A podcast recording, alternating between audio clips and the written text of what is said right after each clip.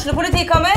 Ine Jansen er purk. Er du purk? The motherfucking bitch. Alt jeg vil, er å finne ut hva som skjedde med mannen min. Jon Carew. Er jeg sikta for noe? Iben Akeli. Det er du. Ole So, Lars Berrum og Big Daddy Karsten. Hvem sin side er du på, egentlig? Anette Hoff, Tone Danielsen, Kommer du fra Afrika?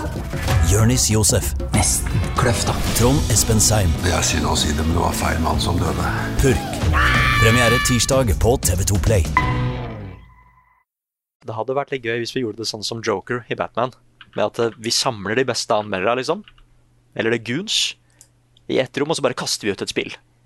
Ja. Det er liksom del, det er del to av anmeldelsen. At bare, nå skal alle anmelde dette spillet her.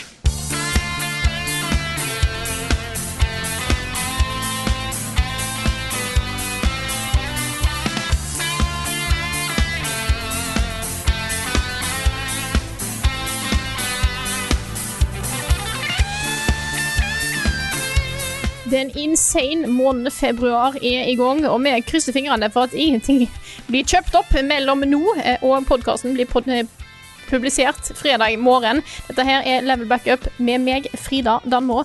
Og med meg i dag har jeg Karl Martin Hogsnes, Niklas Halvorsen og Rune Fjell Olsen. Hallo, folkens. Hello. Hei, alle sammen. Gleder meg hele dag. Det er Det er liksom, folk lurer på hvor mye jobb dette er for oss. liksom. Det er jo selvfølgelig jobb, og vi er proffe og vi forbereder oss og lager sendeplan og alt sånt, men det er et veldig hyggelig høydepunkt i uka for meg, dette her, altså. Det er liksom kjekt å bare liksom kunne sitte og snakke litt med dere. Ja. Bra folk. Og der ble podcasten kjøpt opp av Microsoft. Nei sann! Vi også. Ja. Ok, greit. Vi får bare snu oss rundt. Åh, nei, det er virkelig oppkjøpt galore for tida. Vi kommer jo selvfølgelig tilbake igjen til det i, i neste spalte. Men før da, hvordan går det med dere, folkens? Alt, alt bra? Ja. Det er kjempebra. Februar er jo måneden vi tar over nye eh, kontorer. Eh, fikk beskjed eh, her om dagen at eh, den store glassveggen som skal liksom være fronten inn mot vårt rom, da, når man kommer inn i liksom, eh, inngangspartiet til eh, de nye kontorene, kommer opp jeg tror det er til helgen, nå i helgen. Oi! Og så er det jo bredbånd på vei og sånne ting, så til uka så skal vi ta befaring med Hugo, som vi kjenner fra Eldorado-tiden, som nå jobber med Good Game. Eh, finne ut liksom, ok, hvor trenger vi lamper, hva skal vi gå til innkjøp av, uh, osv. Så, videre, og så, videre. så vi begynner nå. Det er liksom, nå, er vi, nå er vi på gang. PC-er har vi driver og diskuterer med en partner om, og det er liksom, ja. Men uh, vi er jo ikke inne da fra 1. februar som vi hadde håpa på, men det blir da i løpet av februar eller tidlig mars, tenker jeg. Så er, eh, så er vi oppe og står der. Det blir veldig bra ut. veldig, veldig spennende. Blir det neonskilt? Det må vi få til. også. Jeg driver Hver gang jeg går forbi noen uh, firmaer som har neonskilt nå, noen av de er veldig sånn stilfulle. Sånn Bare sånne uh, eh, litt sånn tjukke bokstaver med bare lys foran, liksom, og så stikker de litt ut. Mens andre er litt mer sånn ville med uh, sånn skikkelig sånn neonfarger og, og sånt. da. Uh, men det ser fett ut, altså. så Ja. det har jeg lyst på. Kanskje vi skal ha det der Central Perk-skiltet fra Friends? Ja, Det kunne vært noe. Vi bruker det til level up isteden. Ja, hvorfor ikke? Hvorfor ikke? For ikke. Men jeg kan jo skyte inn i også, da, at som min kompis Even sa til meg, så skal jeg nå gå fra å være prinsen av Sinsen til hertugen av Haugenstua. Ja. Åh, Haugenstua, Carl. Haugenstua til jeg dør, ass. Jeg skal, jeg skal flytte.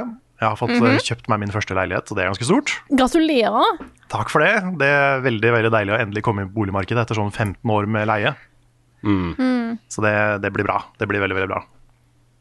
Tusen takk, Good Game, for eh, mer økonomisk stabilitet og bedre muligheter for Carl til å få seg boliglån. Det Ja, er veldig bra, altså. Det er faktisk en direkte konsekvens. Så vi kommer som eh, ekstra eh, stor gjeldsslave nå, Carl. Takk. Er det ikke fint? Ja, Poenget er at man, også bolig, det å eie, det å ha boliggjeld i Oslo, det er, altså jeg har aldri på en måte sett på det som gjeld. Nei. Og det er mye fordi selvfølgelig at prisene har gått opp og opp og opp, opp, opp, og du har tjent mer og mer og mer på disse leilighetene. Men det er også fordi du betaler jo inn på dette lånet hele tiden, ikke sant. Det blir mindre. Så det er sparing. Det er sparing, Carl, og investering. Det er da. Det er litt fint å kunne gå inn på nettbanken og se at ja, den har blitt litt mindre. Ja. Og det er penger til meg. Sant. Nei, det, det har vært Jeg har satt meg inn i ganske mye uh, i den prosessen her, fordi jeg har jo aldri kjøpt leilighet før. Men jeg har jo hørt fra folk liksom hva de fikk sine leiligheter for for ti år siden og sånn.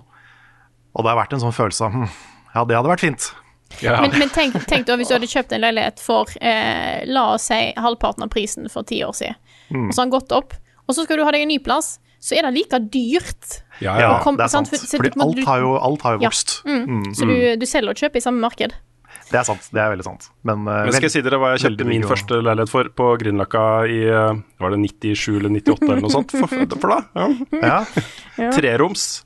Var sånn 55 kvadrat ca. cirka. Midt på Grünerløkka. 690 000 kroner. Nei, Oh men my god. Oh my god. oh. Det er jo ikke så mye. Det burde ikke vært lov. Nei. Nei, det er helt sant. Men det, Den nei, var det, faktisk det ikke lov, som for er- han stjal den. Ja, det, det var det du gjorde. Ja, ja. Nei, men Konsekvensen av det er at det har vært utrolig vanskelig å komme seg inn på markedet. Det er jo det som er det kjipe med at det har blitt så utrolig mye dyrere.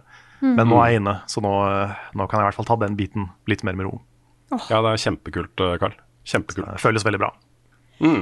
Og så har det jo skjedd andre ting siden uh, sist uke. Nå er det jo enda ei toppliste som ligger på kanalen vår.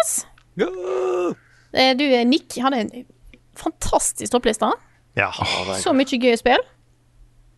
Ja, den var fin, altså. Veldig sånn det, Jeg føler jo at jeg kan ganske mye om spill.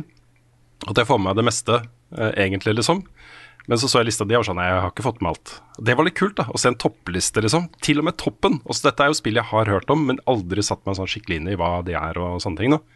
Det var uh, ordentlig gøy, altså. Mm. kos. Jeg satt og koste meg gjennom hele den videoen, uh, Nick. Åh, Den var eh, veldig bra. Det der robot-strømmespillet hadde jeg ikke hørt om. Nei, ikke heller. ja, fun fact, det fikk jeg fra Nei, jeg fikk ikke det, feil. Uh, det ble recommenda Yoko Taro. Oi! kult Han hadde sendte deg en PM, liksom. ja, han hadde tweetet fint, det var bare sånn This good game, I like this. Ja, Få se hva det er. Og så bare var det på Steam. Og da kan det bli lansert. Og så var det så bra. Kult. Nei, det, var mange, det var mange hidden gems. Kanskje Yoko Taro har lyst til å bli level up-anmelder? Ja, jeg Ja, kan det se, kan hende. Send han en melding, liksom. Ja. Ja, gjør det. Var ikke det en fin Segway inn i, inn i neste runde? Ja, det er en god overgang, da. Yes. Jeg, har lyst, jeg har lyst til å snakke masse og skryte masse av Nick og sånt, så må vi jo eh, også eh, plugge en annen ting. Og det er at vi har jo nå eh, lyst ut nye anmelderstillinger. Frilans, jeg bare nevner det. Det er viktig at folk vet at dette er noe de kan gjøre ved siden av andre ting. F.eks. doktorgrad på NTNU videre. Ja. Ikke sant? Men det ligger da ute en utlysning. Søknadsfristen er 13. februar. Um, det vil vel si, det var vel innen 14. februar, altså vi skrur på PC-en våre 14. februar på morgenen, som er en mandag, så må søknaden være inne. Så du har natta på det også, da, hvis du ikke er helt ferdig. Uh, og det er mange vi er på jakt etter. Det er ikke sikkert også det er jo ikke noe garanti for at vi fyller alle disse posisjonene. Det er jo avhengig av at vi får inn eh, søk søknader som, uh, som vi mener er gode nok. Um, men eh, vi kan jo faktisk da ende opp med fire-fem nye anmeldere eh, og innholdsprodusenter for Level Up i den prosessen her, så det er en ganske svær ting, altså. Eh, og det er mye derfor det har tatt så lang tid også, fordi dette er et stort uh, skritt vi tar. Altså en stor satsing for fremtiden til Level Up, og vi har jo hele tiden i den prosessen vært i dialog med Good Game om mulig oppkjøp og den type ting. ikke sant? Så det måtte vi lande først, og så kunne vi komme med utlysningen. Og det er jo da alt fra liksom en, eh, flere anmeldere som er som oss, sånn at vi kan få tetta noen av de hullene som kommer, liksom. Og dere er da Guardians krav. of the Galaxy. Mm, dere er da krav. Briller. Briller, ja. Eh, og liker FromSoft. Ja, det må du. Du må Nei, du må ikke det. Nei, det er jo bare, fint å bli utfordra på litt den derre kultlignende Galskapen. FromSoft-greia vi har gående, liksom. Glad i Urge. Ja, ja, ja. Nei, men det er det. Vi, vi trenger flere av oss, liksom. Og så trenger vi uh, folk på sport. Uh, deep strategy og hardcore, uh, hardcore rolle, rollespill. Hardcore Rollespill. rollespill. Hardcore rollespill. Hardcore rollespill, da er, da er skatespill, er det ikke det? Ja, selvfølgelig. Ja. Ja, Mm. stemmer. Og så er det Early Access, som har jo blitt et kjempeviktig marked uh, innen spill. Og så my mye som skjer der. Eh, og så er det s- pitche ideer, liksom. Har du en idé til eh, konsepter som kunne passa inn hos oss? Eh, kanskje du har liksom staben klar, og alt er liksom klart, og bare har ikke noe sted å legge det ut. Eh, så eh, har du mulighet til å tjene litt penger på det, da, hvis det, hvis det kommer hos oss. Så det, er, det er så spennende. og Jeg har ikke gått gjennom, jeg har ikke sett en eneste søknad ennå, men det er mange som har spurt om det. Eh, Det renner jo inn. Det har kommet masse søknader allerede. Oh, vi så forventer gøy. vel at. Ja, det er kjempegøy. Men vi forventer vel kanskje at det største rushet kommer sånn inn mot siste uka. Eh, det tar litt tid å lage en, en god videoanmeldelse. så, um, så det har kommet mye, kommer mye mer. Ikke sett en eneste søknad ennå. Så det blir, det blir speisa, altså. Sette seg ned med den lista og begynne å se, liksom. Ja, det blir en bra dag på jobb, altså. Det, Ja, fy fader. jeg gleder meg så til å se hva folk uh, gjør. Jeg blir så ofte, Vi har hatt sånne prosesser før. Jeg blir alltid så imponert over liksom, nivået. Mm. For det er det å lage liksom videoanmeldelser er vanskelig. Det er ganske mange ting som skal klaffe for at du skal få det til, liksom. Eh, du må kunne liksom uh, Altså, du må ikke kunne, du kan jo lære, opp, lære deg opp etter hvert. Men det er dette med å liksom klippe video, dette med å formulere en tekst, det å voice noe. Altså, det er alle de aspektene da, som helst skal Det skal helst være noe der til å begynne med. Så det er jo, det er jo vanskelig uh, å kunne alt på en gang. Men Ja, det er kjempevanskelig. Jeg, jeg tar et spørsmål der jeg, som går på akkurat eh, det, Carl. Som fra. Body. Som spør deg Hei, lurte på om jeg som en 17-åring som ikke har redigert en video i sitt liv, har mulighet til å bli ansatt ved hjelp av å bare være underholdende. Og det er liksom det du, det du snakker om, Carl, er at det å lage videoanmeldelser, det er flere sånne bauger du må over. Um, før, også, gjerne før, men også seinere. alt det trenger ikke å være på plass fra starten av. Men du må liksom akseptere å se deg selv på video, høre din egen stemme.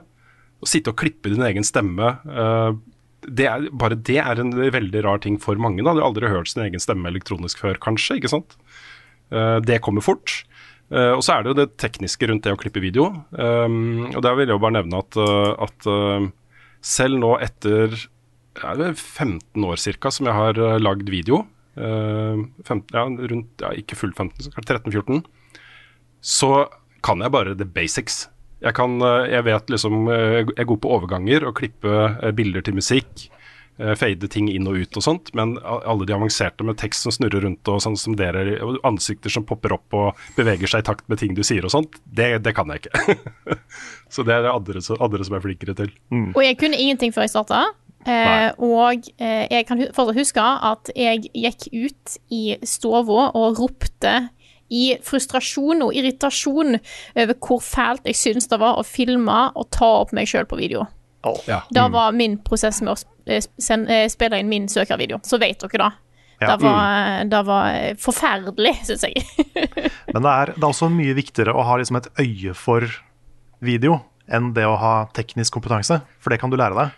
Eh, men hvis du har på en måte evnen til å se eh, hva slags klipp som passer bra sammen, hva som lager en underholdende, snappy, kul video, eh, da har du et veldig bra utgangspunkt. Jeg, jeg er såpass øhm, øh, Hva skal man si øh, Lite kravstor på akkurat den biten. At for meg det aller aller viktigste er liksom formidlingsevnen din. Altså, du, har, du har spilt et spill, du har opplevd en subjektiv ting med det spillet. Altså, du, du har en personlig opplevelse av det spillet. Hvordan formidler du din personlige opplevelse av det spillet um, muntlig? Ikke sant? Altså, men det kan også være noe i manuset som, som vi merker at her er det noe. Og potensialet i fremføring også. Altså, potensial er et veldig viktig ord her, altså. Eh, hvis du er 17 år, sånn som Body, og aldri har redigert video i sitt liv, så bare lag en video. Uh, vi- hvis det er noe der, så kommer vi til å kjenne det igjen. Og vi har sett hundrevis, mange hundre søknader, i hvert fall jeg, da. uh, fra før level up også, liksom. Fra folk. Um, og det å på en måte gjenkjenne talent er eh, Det kan være alt mulig rart, altså. Det har, ikke så mye med ferdige kunnskaper og ferdigheter å, å gjøre på, på det tekniske. Så eh, Og så vil jeg også at folk skal vite at dette er ikke sånn som eh, Idol, hvor liksom de dårlige søknadene kommer til å bli pusha ut, og vi kommer til å sitte og le av de og sånt, for det gjør vi aldri. Nei, jeg skulle, skulle til å si det, at vi er veldig klar over hvor vanskelig det er å jobbe med Ja. video. eh, og at det føles kleint for alle som gjør det i starten. Fordi det er en ny opplevelse, og man skal på en måte presentere seg på en måte som man ikke er vant til. Og, og sånn. Ja. Og vi kommer ikke til å le av noen eller henge ut noen på noe som helst måte. Dette er, eh, vi har kjemperespekt for at dette er en eh, tøff ting å gjøre for veldig mange. Og generelt sett tidligere så har jeg bare sittet igjen og vært egentlig imponert over hvor mange som får det til. Og så har jeg også lyst til å nevne, så får du stoppe meg hvis jeg, jeg tråkker over en strek her, Nick, men vi snakka litt om før opptak. Oh god. At eh, du satt og lekte med ideen om å legge ut eh, din uh, søknadsvideo, altså din første videoanmeldelse av et spill. Er veldig usikker fordi du var uh, litt stressa på kvaliteten på den og sånt. Nei, jeg kan ikke huske å ha sagt det. Nei, men Poenget mitt er jo bare at se, se hvor Nick er i dag. Og så Ja. Se hva Nick lager i dag. Uh, skyhøy kvalitet det er på det. Og sett det opp mot liksom, de tidligere tingene som både Nick lagde og vi lagde. Se på min Shadow of the Colossus videoanmeldelse på VGTV. Uh, det er liksom Man må starte et sted, og det handler om andre ting enn tekniske ferdigheter også. Det må alle bare prøve å innprente i seg selv. Uh, tør å drite deg ut, liksom. Tør å eh, by deg fram, som man må gjøre i denne søknadsprosessen. Bare send inn i søknaden. Vi kommer til å vurdere det ut fra mange forskjellige kriterier. Og det er eh, ikke gitt da, at eh, den som får eh, disse stillingene her, er en som har en sånn fiks ferdig anmeldelse som vi kan bare putte rett ut på kanalen vår. Nok, da, da skal jeg Da skal jeg ja, ikke, ikke offentliggjøre. Åssen skal jeg gjøre dette her? Da skal jeg legge ut en link på discorden vår Oi! i level up eh, chat eh, Hva er den heter han jeg ser på chatrommet her? Eh, Han heter vel Level Up, er det ikke Den som bare heter level up. Da skal jeg legge ut en link der om ikke så altfor lenge. Og min første anmeldelse Den har ikke Rune og Carl sett engang, tror jeg heller. Jeg tror ikke den kom gjennom, for jeg jeg jeg, jeg tror jeg sendte den feil, nemlig. Um, oh, ja, ja, fordi det var før du Altså, det var runden før du faktisk fikk jobben, ikke sant? ja, fordi jeg sendte det, det var to muligheter, husker jeg. Ja. Uh, eh, og jeg sø søkte begge gangene. Jeg tror jeg har søkt feil begge gangene òg. og der, derfor er det litt vanskelig, fordi jeg fikk jo uh, jeg, jeg fikk jo jobb via YouTube, liksom. Dere så det jeg drar på YouTube og sånn. Og den første anmeldelsen jeg lagde til leveløp, er jo på VGTV av Mad Max eller noe sånt. Ja, den var jo kjempebra. Men det er uh, Fader, det er natt og dag, ass. Den første jeg sendte til det der. Og til og med Mad Max klarer jeg ikke helt å se på nå heller. Men vet du hva, da skal jeg gjøre det. Gjør det. Sende Det er kult. Jeg Nice. men, mener det var av Battlefield 3, men jeg er ikke helt sikker. Nice. Jeg har bare helt fortrengt det. Men da skal jeg Jeg gleder meg. Jeg er spent på hvor mange Returnal-vitser det er i den.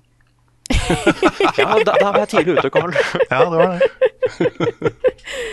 Åh, nei, det er helt eh, Nei, denne gleder jeg meg til å se, Nick. Jeg jeg så jo nettopp opp igjen min, min første, jeg òg. Og jeg, eh, det var eh, mindre vondt enn jeg trodde det skulle være, faktisk. Så eh, Nei, så jeg anbefaler alle som bare har et fnugg av interesse eh, Eller altså, ikke fnugg, men eh, hvordan skal jeg si dette da?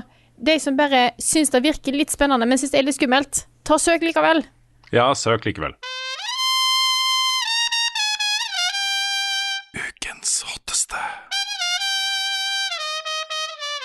Vi har jo tisa det litt allerede. Den store nyheten denne gangen her er jo nok et oppkjøp. Og denne gangen her så er det Bungie som, eh, som ble slukt, holdt jeg på å si. Ikke nødvendigvis. Det var jo en fin avtale, dette her. Rune, du har full info her. Du som er Bungie-eksperten uansett. Altså, det er jo mye derfor jeg har gått og gleder meg også til podkasten denne uka. Dette har jeg gledet meg sånn til å snakke om. Også Bungie er jo et selskap som, eh, som jeg har fulgt veldig tett. Kanskje tettere enn noe annet spillselskap eh, opp igjennom. Helt fra maratondagene på Mac på midten av 90-tallet, liksom. Eh, Halo er en av mine favorittserier. Destiny, selvfølgelig. Så, så dette er ganske svært også personlig. Jeg har jo vært på kontorene deres, for pokker. Jeg har vært der, liksom, og det var en sånn guttedrøm å faktisk få lov til å besøke Bungie. Så dette er veldig spesielt, da. Men saken er jo da selvfølgelig at eh, Sony har kjøpt Bungie for eh, da 3,6 milliarder dollar. Litt ålreit å være tilbake på litt sånn hyggelige, sånn fornuftige summer igjen. Ja, litt Eh, sånn det er lommepenger. I småpenger, liksom. Lommerusk. Eh, Nesten 32 milliarder kroner er det altså, i norske, norske kroner og øre. Ja, minner, minner da om at, eh, at Star Wars var fire, fire milliarder. Så det er Ja. nesten prisen av Star Wars, da. Nesten prisen av Star Wars. Eh, I tillegg, da, det kom ut en nyhet i dag som, eh, som sier litt om hvor, eh, hvor glad Sony er i Bungie slik de fremstår i dag. Det er også på plass en intensivavtale her som garanterer 1,2 milliarder dollar til de ansatte i Bungie hvis de velger å bli i selskapet i en viss periode. da. Og Det er, det er rundt 1 million dollar per ansatt. Altså Det er jo ikke jevnt fordelt. da. Noen vil jo få mer enn det, og noen får mindre, men pokker også. Dollar! Åh, det er jo kongen. Det er liksom da blir jeg helt så dere satt ut. Ja. Men dette understreker også litt den, den følelsen og den, uh, det, det, det synet jeg har på Bunchy som selskap. Og så nå har det jo vært, eh, Vi snakka om det for noen uker siden, eh, rapporter om, om sjefer og, og folk i det selskapet som har um, oppført seg på samme måte som folk i Activision Blizzard og osv. Uh, det har vært ukultur der også. Men det generelle bildet av selskapet er at det er et sted hvor de tar godt vare på de ansatte, hvor, hvor, eh, hvor hver enkelt verdsettes for den innsatsen de gjør i bedriften. Eh, jeg følger massevis av Bungie-folk på Twitter, og det er liksom en sånn gjennomgangstone. Er den der, den stoltheten for den lille biten av Destiny som de sitter og har ansvar for. ikke sant? Sånn hei, hei, det er jeg som har lagd miljøene i, i den og den dungeon, ikke sant. Se på hva jeg har gjort. Altså det er kjempe, eh, kjempefokus på det, og det er ganske viktig. Det har mye med firmakultur å, å gjøre, selvfølgelig.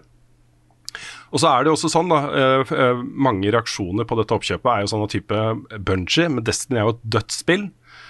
Um, det er én million forhåndskjøp av Witch Queen, som kommer nå 22.2. Én million.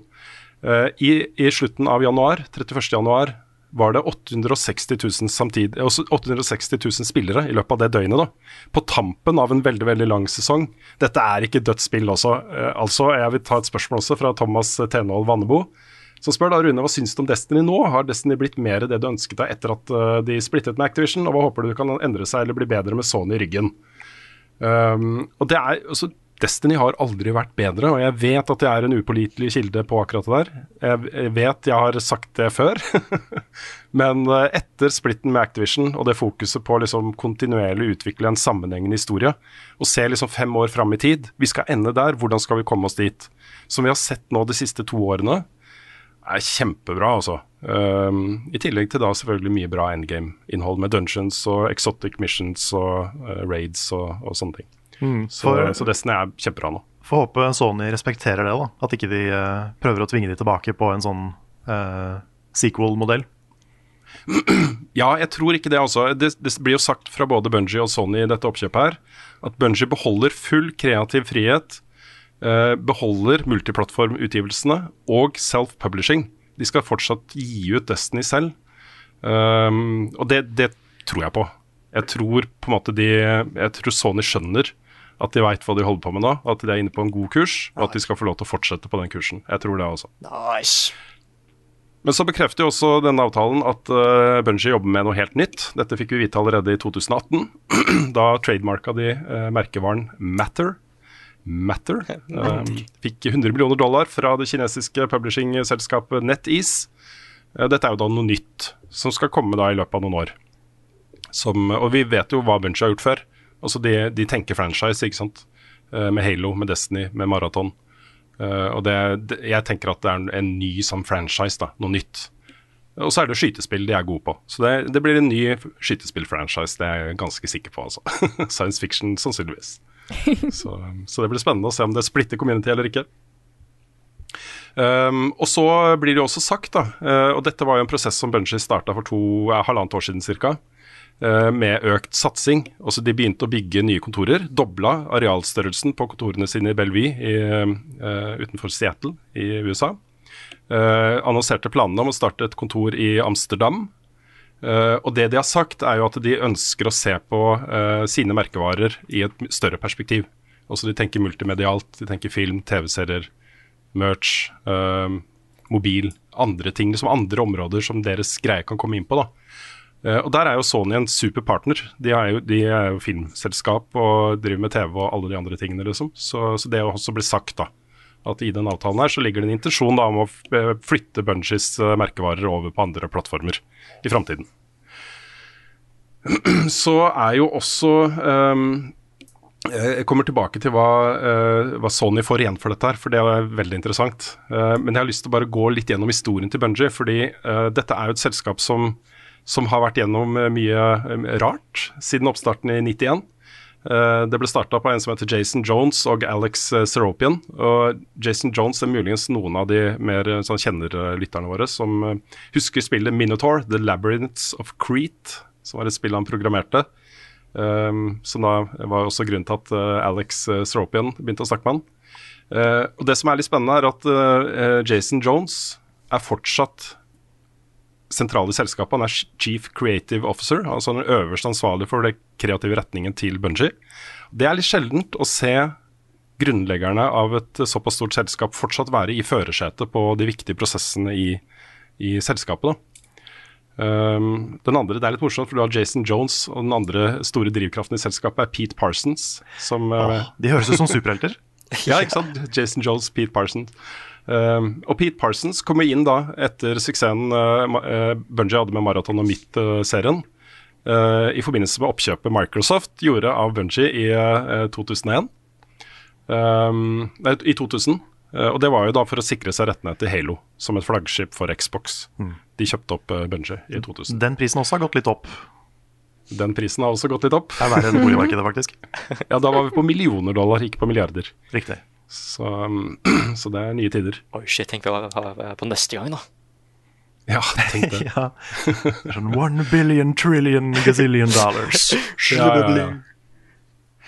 Og så da I 2007 så forlot jo Benji Microsoft. Eh, kjøp, fikk tilbake aksjene sine og fortsatte som indie eh, uavhengig selskap. Eh, det var et, eh, et eh, vennlig brudd. Eh, Microsoft oppretta jo 343 Industries til å eh, videreforedle Halo-merkevaren med vekslende hell. Eh, og Bungie fortsatte da med å utvikle Destiny. Um, I 2010 så gikk det jo inn da, inngikk det en tiårig publishing deal med Activision. Som jo er litt interessant også i dagens bilde. Yep.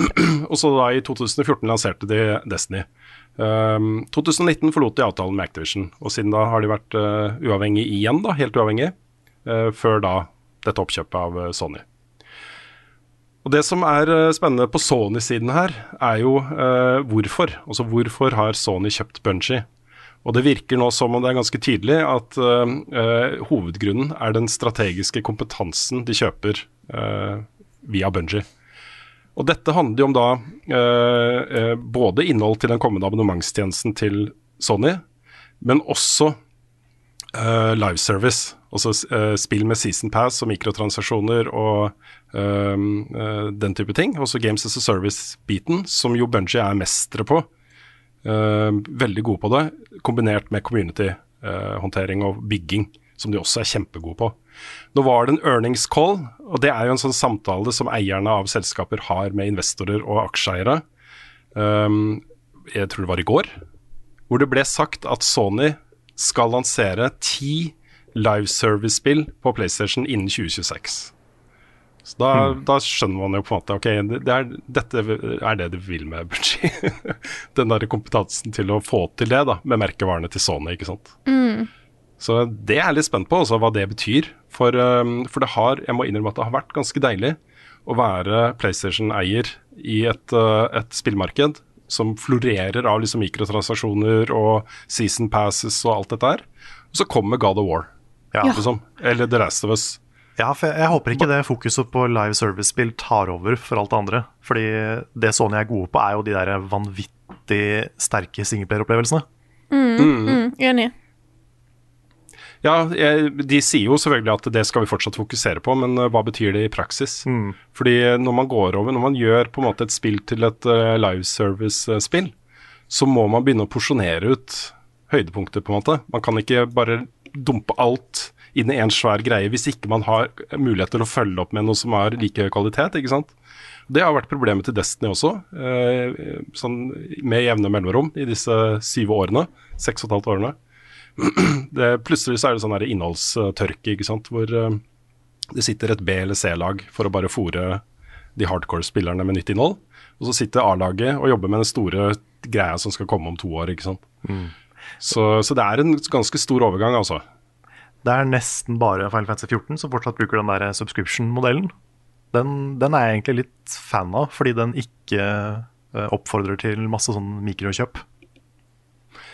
Nei, og det, det, stedet Destiny er på der, er jo litt sånn fordi de store lanseringene sine kommer alltid i sånn deluxe-pakke. Hvis du er en hobby Destiny-spiller og spiller det jevnlig, og kjøper den, så får du alle expansions, alle season passes for da hele året som mm. kommer. Uh, trenger ikke å tenke mer på den abonnementstjenestetingen, men det er jo egentlig det det er. Og så Istedenfor å kjøpe hver enkelt ting av disse her separat, så kjøper du det i en stor pakke uh, til en lavere pris. Uh, det som er mikrotransaksjoner her, er jo kun kosmetikk. Det er jo ikke noe pay to win i det hele tatt. Og handler mer om din på en måte tilstedeværelse i denne verden, ikke sant. og jeg må innrømme, jeg har brukt litt penger på det. Ikke mye, men litt nå og da. Uh, og det, det, er jo med en sånn tankegang om hvor mange timer jeg bruker på dette spillet her, og hvor liten andel av den tiden det er. Uh, og at det er med på da å uh, både gjøre meg kul, og, og, på en måte opprettholde en økonomi i Destiny som gjør at de fortsetter å utvikle dette spillet her. ikke sant? Det er en, en slags abonnementsgreie det også for meg, da. Ja, jeg også har brukt penger på kosmetikk i noen spill. Det, mm. Og det er jo mye mindre intrusivt enn Er det et ord? Intrusivt? Nei, det tror jeg ikke, Karl. Nei, Nei det tror jeg ikke. Da sier jeg in intrusive. Mye mindre. Mm, er, jeg, jeg, tror det er i gate med vibrant. Ja, vibrant det kan godt hende. Mm. Men uh, det er jo det er ikke like ille som uh, pay to win og sånn. Eh, men jeg er samtidig litt bevisst på at det også er en eh, ting som kan utnytte de med eh, dårlig impulskontroll og den slags Ja, ja. ting. da. Så det er ikke helt uproblematisk med cosmetics heller. Nei, absolutt ikke. Absolutt ikke. Så, så for min del så, så handler jo det om på en måte hva er det jeg bruker av penger på min hobby. Mm. Nummer én, liksom. Um, det, det, er, det er sånn jeg tenker på det. I kombinasjon da med uh, min visuelle fremtoning i en ver verden jeg er opptatt av, ikke sant. Mm. Så, så det, det Ja, sånn er det bare for meg, da. Men det er fortsatt lov å kritisere det, selvfølgelig, og særlig når det blir for, uh, for pushy. Eh, og der har jo også Destiny vært innom noen ganger, med da tilbake i Destiny 1-dagene. og Det ble det slutt på ganske fort. Så kunne du kjøpe XP-boost, f.eks. Sånn at du ranka Crucible og Vanguard fortere. Um, og fikk da flere rewards. Dobbelt så mange rewards. Ja, for eh, med da- flere rolls og Da er du over i enda mer skittige ting, ja. Ikke sant? Uh, eksklusive emotes og sånne ting som du bare får ved å kjøpe og bruke penger, Mm. Uh, har de også hatt. Um, så, så det gjøres jo noen ting der innimellom, men all right. Um, Jim Ryan, som er en av toppsjefene i PlayStation, sier da også i et intervju til Game, Games Industry Biz forvent flere oppkjøp. Forvent flere oppkjøp. Oi, oi, oi, oi. Ja, Det er litt sånn, expect more. litt sånn ominous. Nesten. Ja. Nesten litt sånn der urovekkende tone over det, men, eh, men det er mer en sånn uh, det- Dette er jo sånn som folk uh, snakker mye om på bakrom rundt omkring nå. ikke sant? Hva blir det neste? Hva er det neste de kjøper opp? Jeg så eh, Jeff Keeley var ute på Twitter og sa at han hadde hørt om og visste om flere eh, konkrete oppkjøp som var på trappene, Oi. og at det kom til å komme en del av de da, utover, eh, utover uh, våren. Så Ha. Kanskje Capcom er en av de neste? Ja, Cap, jeg, jeg tipper flere av de japanske er, er eh, klare mål her. Ja. Capcom, eh, Square Enix, Sega, Konami. Det er kanskje til og med From Software, men de er jo eid av et annet selskap igjen. Så det kan både øke og minke muligheten for at de selger, da. Eh, fordi de trenger jo ikke å få tillatelsen til, eh, til uh, Miyazaki, liksom, på salget. De kan jo bare gå til Parent Company og, med masse penger. Ja. Jeg, jeg ser det er mye diskusjon om effekten av dette her eh, på liksom den store spill, spillbransjen. Og det er jo veldig forståelig hvis folk begynner å bli stressa på liksom, hvor liten skal spillbransjen bli når de store blir større og større, men de andre forsvinner. Ja. Og den, den ser jeg. Eh, samtidig så fordi vi har et så stort og variert uh, indie-landskap nå, så er jeg ikke så, så, så bekymra for det som jeg potensielt kunne vært. Fordi du alltid har Nei, de mindre, mer personlige tinga, da. Ja, så Et av de spillene jeg gleder meg aller mest til nå, etter at liksom Elden Ring og Horizon og den bølgen gir seg, er jo et spill som heter Norco, som kommer i slutten av mars. Utgitt av Raw Fury, svensk publishing-selskap. Du har Tunic, som er et Xbox Indie-spill. Um, og det er liksom Sånn er spillbransjen litt i dag. Mye av det beste kommer fra på en måte ikke ingensteds, da, men er liksom utenfor den der svære gigasfæren. Uh, som bare er hjertebarn. Uh, dødsbra spill lagd av et lite team som er mer opptatt av, eh, av innholdet i det de lager, enn hvor mye penger de kommer til å tjene på det. Selv om de er selvfølgelig opptatt av penger også. Vil jo gjerne selge eksemplarer. Eh, Så, så jeg er ikke så stressa på den biten. Jeg må innrømme at uh, det er jo elementer her som er litt sånn skumle. Det kan føre til mindre mangfold. Det kan føre til hardere press på de seriene og, og merkevarene vi er glad i, til å innføre litt, uh, litt kjipere økonomiske modeller og den type ting. Uh, men jeg er mer hva skal man si, sånn oppglødd over den der tanken om ok, her, har du- her har du GamePass, fast månedlig sum, du har tilgang til alt fra Starfield og eh, Elder Scrolls og Halo og alle de tingene som kommer der. Og her har du abonnementstjeneste til eh, Sony med liksom The Last of Us og Returnal 2 og alle de tingene som de nå har etter hvert. ikke sant? Altså Det er HBO og Netflix. Gå inn der, se ok, ny serie lagt ut. Å, fett! Den kan jeg enten binge eller se en gang i uka. Det er så kult, liksom. Jeg har, du har allerede betalt for det, ikke sant? Det bare ligger der og venter på deg fordi du abonnerer på det. Den siden av det som skjer nå, er jeg eh, ganske sånn gira på. Ja, Eh, jeg- her. Det er som, den- som forbruker. Mm, det er den mest lovende sida av dette her, mm. syns jeg altså. Den negative biten er litt mer på sånn monopol og hva, hva langtidseffekten kan være, da. Og det vet vi jo ikke. Så det er litt sånn man må bare vente og se. Det må vi. Jeg tar et uh, spørsmål fra Jakob, som spør da med Sonys oppkjøp av Bungie, tror dere det er mest sannsynlig med Destiny 3 eller en ny FPS-IP? Uh, det har vi for så vidt snakka litt om, men jeg tror uh, Bungie er helt ferdig med tall på, på, Destiny. Jeg tror de nå bare bygger ut det universet som er der. De har innført det som kalles innholdshvelv, hvor når de da introduserer masse nytt innhold og spillverden blir for stor, da. Det blir for stor nedlasting for folk, og det er for mye innhold og for forvirrende og sånn, så legger de da innhold inn i det hvelvet, med muligheten til å ta det ut igjen uh, ved en annen anledning. De har jo f.eks. relansert uh, Vault of Glass-raidet nå i fjor. Um, så nå forsvinner jo veldig mye uh, 22.2, uh, med da kanskje mulighet for at det kommer tilbake. Men jeg vil anbefale folk uh, som er nysgjerrige, hvis du går inn nå, du kan gjøre det gratis. New Light. Um, eh, gratis Forsaken Campaign. Hele Forsaken Campaign er nå gratis. Eh, og kan spilles også av New Light. Den forsvinner. Den campaignen forsvinner 22.2. Det er en god introduksjon til hva Destiny er, og en uh, fet story som, som, gjør deg klar da, for eventuelt å se om, om Witch Queen kan være noe for deg. Jeg har også lyst til å ta en liten kommentar som har kommet fra Nintendo oppi det, alt dette her, for de blir jo spurt om uh, hvordan på en måte det, disse oppkjøps, uh, uh, megaoppkjøpene påvirker dem. Og Da har de da uttalt seg til, et, um, til investorer. Det er sjefen Shuntaro Furukawa som har sagt da til investorer i, i går at our brand was built upon products crafted with dedication by our employees and having a large number of people who don't possess Nintendo DNA in our group would not be a plus to the company. Hmm. Så det, er, det, understreker på en måte det inntrykket vi også har av Nintendo som en veldig sånn separat ting. De ja. seiler sin egen sjø. De har til og med liksom bare lagd sin egen sjø, som de seiler i på egen hånd, liksom. Ja, det er det. De har skutt på krana og så bare bygd en sjø.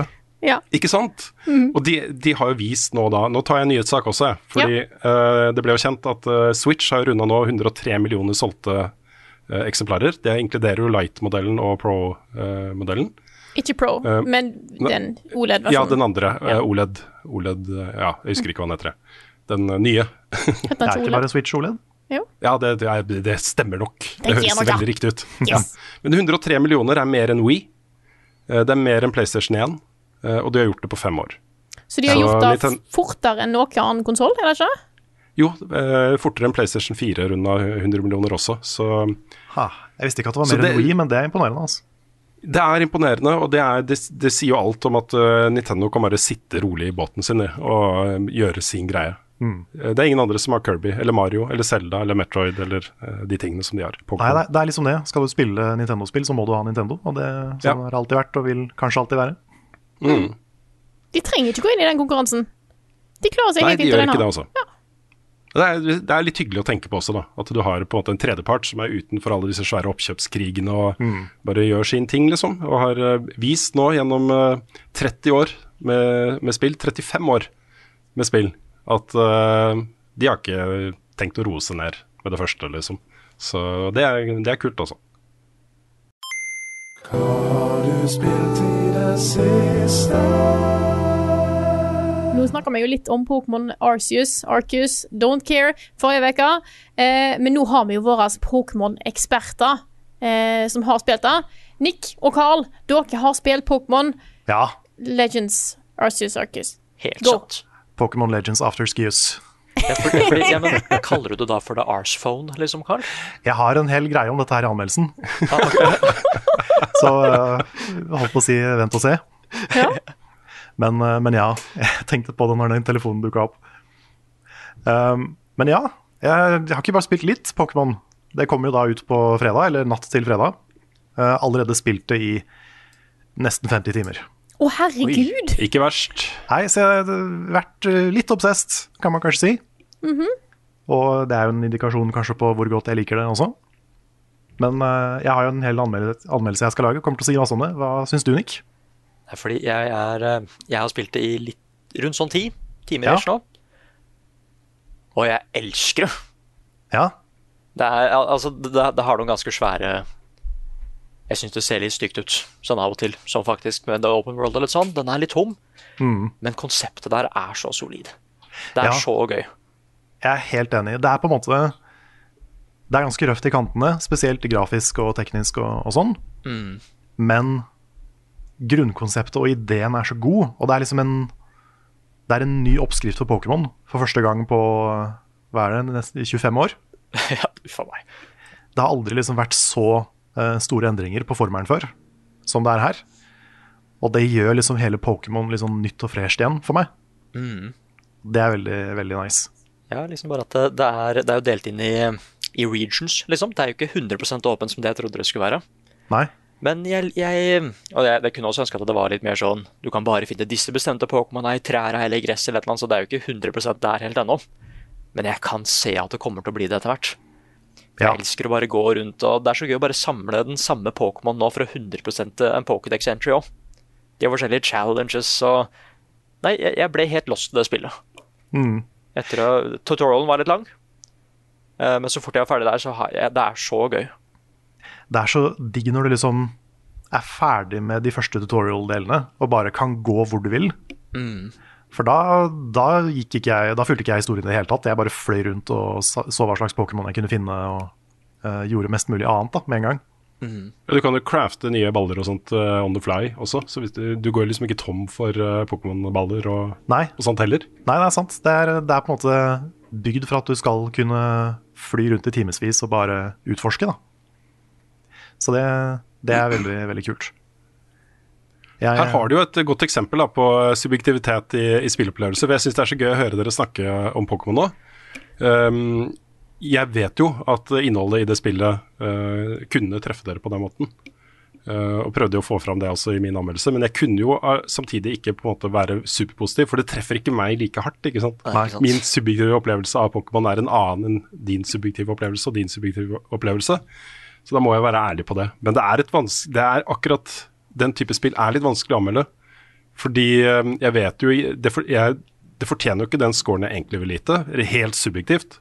Så da må jeg gjøre et lite kompromiss, ikke sant. Jeg må liksom være øh, flink til å øh, få fram at øh, det er min mening, liksom. Ikke sant. Men det er noe med å ha fulgt på en måte denne serien så lenge og Ja. være så vant med at den ikke forandrer seg. Og så kommer det her og er liksom helt nytt og fresht. Og, den, og da gjør det så inntrykk, da. I hvert fall hvis man har en eh, litt sånn eh, forkjærlighet for Pokémon fra før. Ja. Og det å se liksom denne landsbyen som bare utvikler seg underveis, og som starter som liksom livredd for Pokémon, og bare dette er eh, farlige, skumle, grusomme skapninger som vi må holde oss unna, til å liksom se at etter hvert i spillet så kommer det flere og flere Pokémon som på en måte flytter inn der og blir en del av samfunnet. da. Når de skjønner at å ja, men det går an å leve sammen. Og det er liksom en sånn kul visuell eh, historiefortelling i det. Og noe som ikke har blitt gjort før i den serien. Litt den, der, den, den fasen i historien har på en måte aldri blitt utforska Yeah. på samme måte. Men jeg fikk jo litt bakoversveis da jeg så den der Pokédexen i starten. Ja. For jeg skjønte at jeg, det så ut som jeg måtte fanges 25 Starly og sånn. ja, for det trodde jeg jo. At åssen skal jeg skaffe 30 av min starts-Pokémon? Ja. Og det, da fikk jeg litt sånn her Å nei, er det dette her jeg må gjøre for å uh, complete spillet, liksom? Men det som er så smart, er at det er veldig mange sånne ting du kan gjøre. Det er sånn, En, en av de um, tingene du kan gjøre, er å fange flere. En annen ting er å liksom se de bruke forskjellige moves. Eller mate de med bær. uh, Ja. Eller forskjellige ting. Og du trenger ikke å gjøre alt. Du trenger bare å gjøre nok til å få liksom research level 10. Og det, da er det snakk om å gjøre sånn fem-seks av de tinga som står på lista.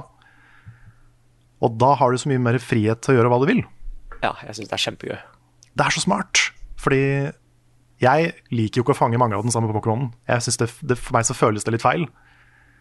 Det er litt sånn Du, du, du skaffer deg jo én katt, du skaffer deg ikke ti katter, og så velger du den fineste. Så Men du sa jo, Nick, at du, du koste deg med å 100% alle entries. Er, hva, hva, hva er din take på akkurat det der? Nei, fordi jeg har Regelen min er at eh, den Pokémon jeg skal bruke, jeg bruker alltid den første jeg fanger. ja. For, for det er okay. som det Carl sier, at jeg kan liksom ikke se på tida den samme og bare vet du hva, du har best stats. Det er litt gøy å ha en som kanskje har veldig dårlige stats på et sted, men høye på et annet, ikke sant? For da er det min Pokémon. ja, det er det. det er liksom, du, du får et litt sånn mer personlig forhold til de hvis du ikke har kjempemange av de. Ja, ikke sant? Uh, nei, og så syns jeg det er så gøy med at uh, Jeg kan bare gå rundt omkring i den verden der og bare kjapt se på pokédexen. Bare ok, hva er det jeg mangler med et godt eksempel, Pikachu, liksom. Bare, ja, jeg kan få Jeg kan fullføre entryen hvis jeg klarer å fange Pikachu hvis jeg har gitt den noe mat. Og om natta, eller et eller annet sånt. Mm. Det, er, det er mange måter å liksom fullføre den pokédexen på. Og da ble det ekstra gøy når du har fanga alle, og så går du tilbake til professoren, og så får du XP for alt det du har gjort. da. For det er, det, det er sånn XP-systemet er her, med at du gjør ikke gyms lenger. Du blir liksom en bedre researcher. Nei, Så jeg er veldig veldig glad i progresjonen. Ja, helt enig. jeg må, jo, ja, jeg må jo spørre dere nå, da. Eh, litt fordi at jeg ikke har spilt det, og så tenker jeg jeg skal være litt sånn intervju her. Hvordan er det nå å være Pokémon-entusiast med både Pokémon Snap i fjor og Pokémon Legends i år? Det har vært opptur, ass. Har det. Nå var jo, jeg var jo litt down på Brilliant Diamond eh, og Shining Pearl før jul. Men dette her er på en måte, nå er det helt oppe på hype-nivå igjen. Og så er liksom Fremtiden til Pokémon er så spennende nå. Fordi de har det utgangspunktet her. Og hvis de bygger videre på det nå, så kan de lage noe som er liksom bedre enn alt som har kommet før. da. Ja, og, og det er derfor jeg tillater at det kan være litt røft akkurat nå. Ja, det er på en måte første forsøk. Mm. Så eh, det er veldig, veldig positiv. Men eh, akkurat når det kommer til det å complete en entry, da, så jeg kommer absolutt ikke til å gjøre alle tinga på den lista, for du kan gjøre det òg. Selv om du har maks research level 10, så kan du jo makse ut alle entries sånn 100 oh nei. Og det eneste du får for det, er vel bare høyere sjanse for å møte shinies. Ah, ok. Det er litt som å samle bæsj i Breath of the Wild. Ja, så det er sånn, det kommer jeg ikke til å gjøre. Det kommer Nei. ikke til å gi meg noen ting. Men, men det å få de opp til research level 10, det skal jeg kanskje gjøre. Så jeg har over halvparten av Pokédexen har jeg der nå. Mm. Og jeg mangler bare fem-seks stykker før jeg har fanga alle. Så det, det nærmer seg. Oi, oi, oi. Jeg lurer på om det er Boy her der. Jeg skal ikke si noe. Wow. Men vet Ja, det er jo mye av gleden med det spillet her. Hva, hva slags Pokémon er det i denne verden her? Ja, det er jo en blanding av alle Ja. generasjonene. Mm. Så det er ikke bare sånne Sinnoh generasjon 4-Pokémon, selv om det er mange av de. Fordi det, her, det spillet her tar jo eh, Det, det, det er satt i Sinnoh-regionen, eller Hisui som det heter på den tida her. Så eh, mye, mye diverse. Mm. Yes. Er det eh, noen av dere som har lyst til å ta, ta opp noe annet dere har spilt, av dere to? Nick, har du lyst til å snakke om eh, topplista di? Jeg kan si at jeg fortsatt ikke kommer lenger på Final Fantasy. Dere. Uh, Har du ikke kommet inn? Nei, for jeg, jeg venta på kode jeg, til nye spill. Uh, og så bare Ja, mens jeg venter Jeg har ikke lyst til å sette meg inn i et MMO og så ta pause, liksom. Eh, så bare Da setter jeg igjen Nei, det med Pokémon. Ja. Så ble jeg frelst av det, liksom. Uh, nei, så jeg venter på kode til spillet skal anmelde det her. Så jeg hadde egentlig bare lyst til å anbefale noen av spillene fra topplista. Av av de indie-spillene, liksom. Yes. Sånn som, sånn som Leckhead og Exo1 og Before Your Eyes. Mm. Det er- Det var en moden, moden og fin liste. Altså. Det, var, det var mange ting som jeg ikke har spilt, som jeg fikk veldig lyst til å spille. Det er en utrolig flott opplevelse. Ja, Before Your Eyes må jeg få spilt, altså. Jeg er litt bekymra for at jeg kanskje blunker ofte. Jeg kommer til å bli veldig bevisst på det. Ja, fordi det, det er ikke Ja. sånn at du blunker, og så bare er du uh, Jeg trodde det var at ok, skal jeg holde øya oppe i en og en halv time, liksom? Uten å blunke. Jeg trodde det var sånn, men det er det at du får akkurat uh, En scene starter, og du får akkurat den konteksten du trenger. Men så kommer det et lite symbol, en sånn derre Hva heter det der i Det du bruker i instrumentet Metronom. Ja, du får en sånn en, og da får du beskjed om at ok, hvis du blunker nå, da hopper du videre. Uh, oh, ja, så du får, okay. alltid, du får alltid nok kontekst til å vite hva scenen er. Men hvis du da ikke liksom blunker, så kan det hende at du får litt ekstra. Og det kan påvirke liksom Det kan påvirke hva noen av de andre scenene betyr. da. Så du får helt klart mer av å ikke blunke, men du får fortsatt en dritbra historie. Selv om du skulle blunke. Ja, ok, for jeg var redd for at hvis du liksom fikk noe i øyet og blunka fem ganger, så mista du alle spillet. Nei, du kan ikke speedrunne spillet, liksom. Nei, skjønner. Nei, men det, det er smart. Det er smart, det visste jeg ikke. Eh, og igjen, den, den blunkinga er så Det skjer noen ting med den blunkinga. For at du kan spille uten, men fy fader, det, det ble så sterkt. Hvis man har den blunkinga Det er skummelt, ikke sant? Det er det det er. Ja, Jeg vil få med meg dette her, men da kan jeg ikke blunke. nei. Det er skikkelig FOMO. Men, men tenk, om de hadde, tenk om de hadde brukt den mekanikken i et horrorspill. Ja. Ja, Det hadde vært helt for jævlig. ja Weeping Angels, liksom. Ja, det kommer. Garantert. oh god. Skal jeg ikke spille. Men du, du sier noe, Nick. Det er, vi sitter jo og venter litt på koder her nå. Vi gjør jo det. Ja, Mm. Ja, det er ja. Horizon og Elden Ring og det er fryktelig dårlig gjort. Så det er jo alltid mange som spør om hva spill vi skal dekke. Skal vi bare si hvem som skal ta anmelde alt, sånn at vi har det på det tørre? Det kan være, vet du. Kan det? Jeg eh, skal ta Horizon, Oh yeah! så der sitter jeg og eh, venter spent på kode, for jeg vet at det er noen som har fått det allerede. Kan jeg få lov til å bare ta et spørsmål her? Ja. Du skal gå gjennom, eh, fordi Det er kommet et spørsmål fra Kine Mosheim Lisfjord, som spør da Horizon Forbidden West. Forventninger. Har dere spilt Horizon Zero Dawn? Hva syns dere i så fall om det? Hashtag jeg gleder meg. Oh boy. Jeg spiller det. Jeg spiller det. Ja, det gjør det, altså. det. er NRK, NRK pri privileges. NRK Nei, det, er jo, det kommer så mye spill nå, eh, så vi har fordelt ting. Eh, og spør jo om vi har spilt eh, Horizon Zero Dawn, og da har jeg jo ikke. Men jeg lover at jeg skal lese meg godt opp, eh, så jeg er forberedt før anmeldelsen. Bare så det er sagt. Jeg gleder meg veldig til å teste Forbidden West. Mm. Og så kan det hende det er mange av disse spillene som, som har en liten sånn oppsummering i starten for nye spillere. Jeg sier ikke at dette spillet har det, men det er jo mange, mange sånne spill som har det. Så uh, du, du får forhåpentligvis med deg de viktigste tingene, Frida. Litt Ja, sånn. Schrødingers recap. Nei, men jeg vil anbefale, hvis, hvis folk er i samme situasjon, jeg vil egentlig anbefale deg også, Frida, å kikke litt på sånn eh, recap-video på YouTube. Fordi det er en del poenger i eh, Altså Det blir vanskelig å snakke om uh, Forbidden West fordi uh, da er på en måte mye av de største høydepunktene fra historien fra forgjengeren spoila. Altså Mye av det er basert på det som blir avslørt i det første spillet. ikke sant? Så det kan være lurt å få med seg noen av de plot-twistene og, og tingene fra, fra eneren. Da har jeg planer om Jeg har allerede funnet fram et par videoer, så jeg eh, sitter klar. Nice. Ellers, så er, hva er rekkefølgen her? Dying Light 2? Ja. Det, Der var det Nick som sa ja. det har jeg sagt at jeg skal ta.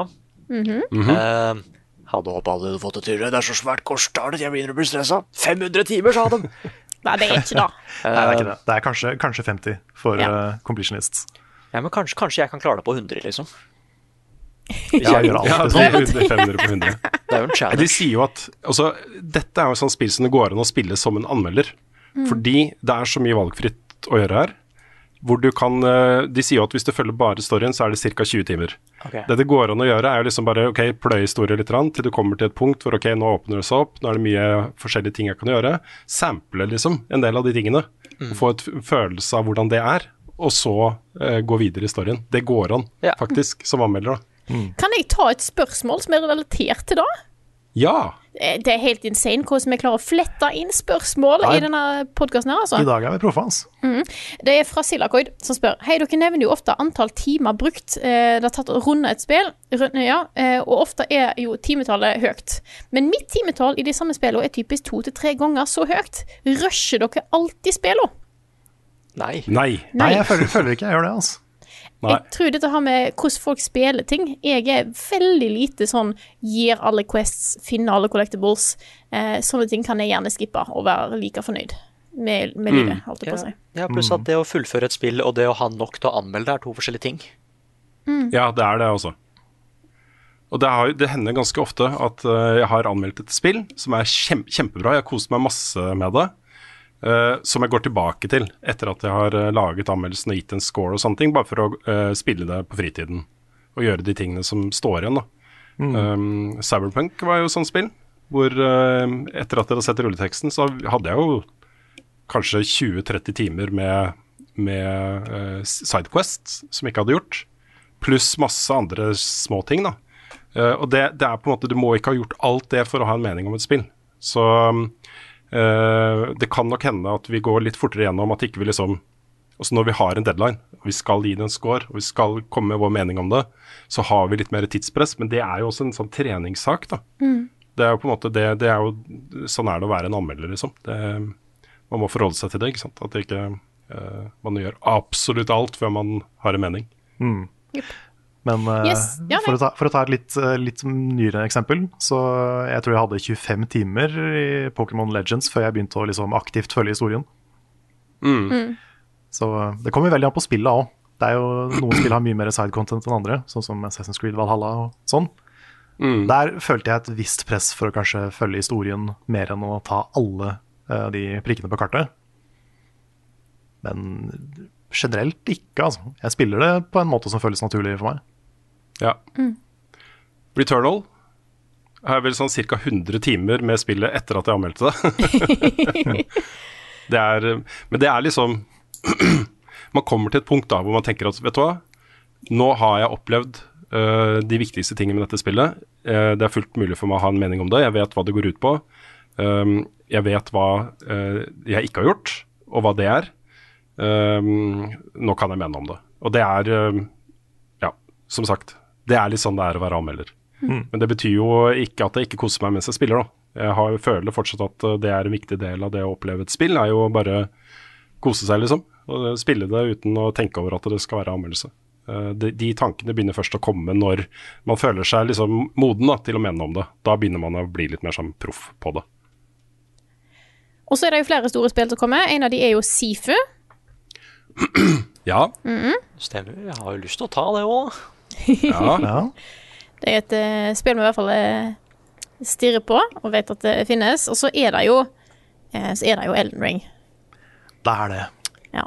Mm, Der blir det jo i hvert fall altså Rune anmelder du for NRK, regner jeg Ja. veldig med. Og jeg kommer jo til å anmelde det for oss, men også da forhåpentligvis med innslag fra mange flere.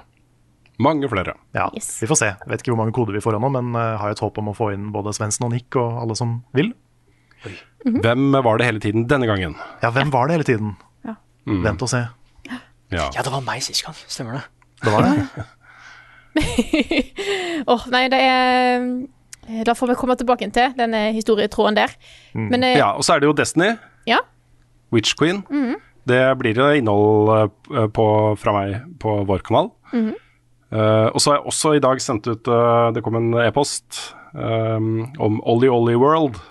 Om det var noen som var interessert i review-kode av det. Så skrev jeg liksom at vi er opp til halsen liksom, med andre ting, men har lyst til å liksom, få tid til å eh, presse inn Ollie Ollie World i denne miksen her. da. Fordi det ser kjempebra ut.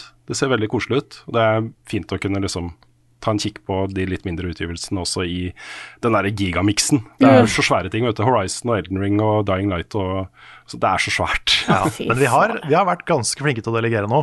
Så jeg tror vi skal klare å komme oss gjennom februar, altså, til og med uten de nye anmelderne. Ja. Det kan være vi må utsette mars litt, faktisk. Men da tar vi Ja, at kanskje mars må komme i 2023, ja. Ja. Ja, det hadde vært fint også. ja. Kan legge inn en sånn, søknad på det. Jeg kommer til å levere anmeldelse av Elden Ring, og så er det rett over på Destiny, Witch Queen. Og så er det jo sannsynligvis kanskje til og med før Witch Queen, så sender de nok ut kode på eh, Gran Turismo 4, ikke sant? Nei, 7. Gran Turismo 4. Gran Turismo 7. Ja, Det er ikke så langt unna, nei. Nei, det er 4. mars. Å, fy Du fader. verden. Men Mm. hvis vi fortsetter her nå, da, eh, på hva vi har spilt. For du, Rune, har tatt tak i et nyere, gammelt eh, hvordan, Jeg vet ikke hvordan jeg skal forklare dette her, jeg. Bloodborne. Ja, altså for noen år siden så begynte det å, et par år siden begynte det å dukke opp eh, noen sånne skjermbilder. Altså en derre demake av Bloodborne. Altså hva om Bloodborne hadde kommet ut på PlayStation 1. Uh, og de kom da fra en som heter Lilith Walter, uh, også kjent under hennes brukernavn uh, Booster, B0STER. Um, og hun satte seg da ned sammen med Corvin Pritchard for å lage, lage Bloodborne som et PlayStation 1-spill. Og nå er da det ute. eh, Bloodborne P6. Um, jeg ser Jonas Røiseland har lurt på om vi skal spille det, og anmelde det og streame det og sånne ting. Det kan hende, men det jeg vet ikke. Eh, men jeg har da spilt det. Det er ute nå eh, i 1.0-versjon.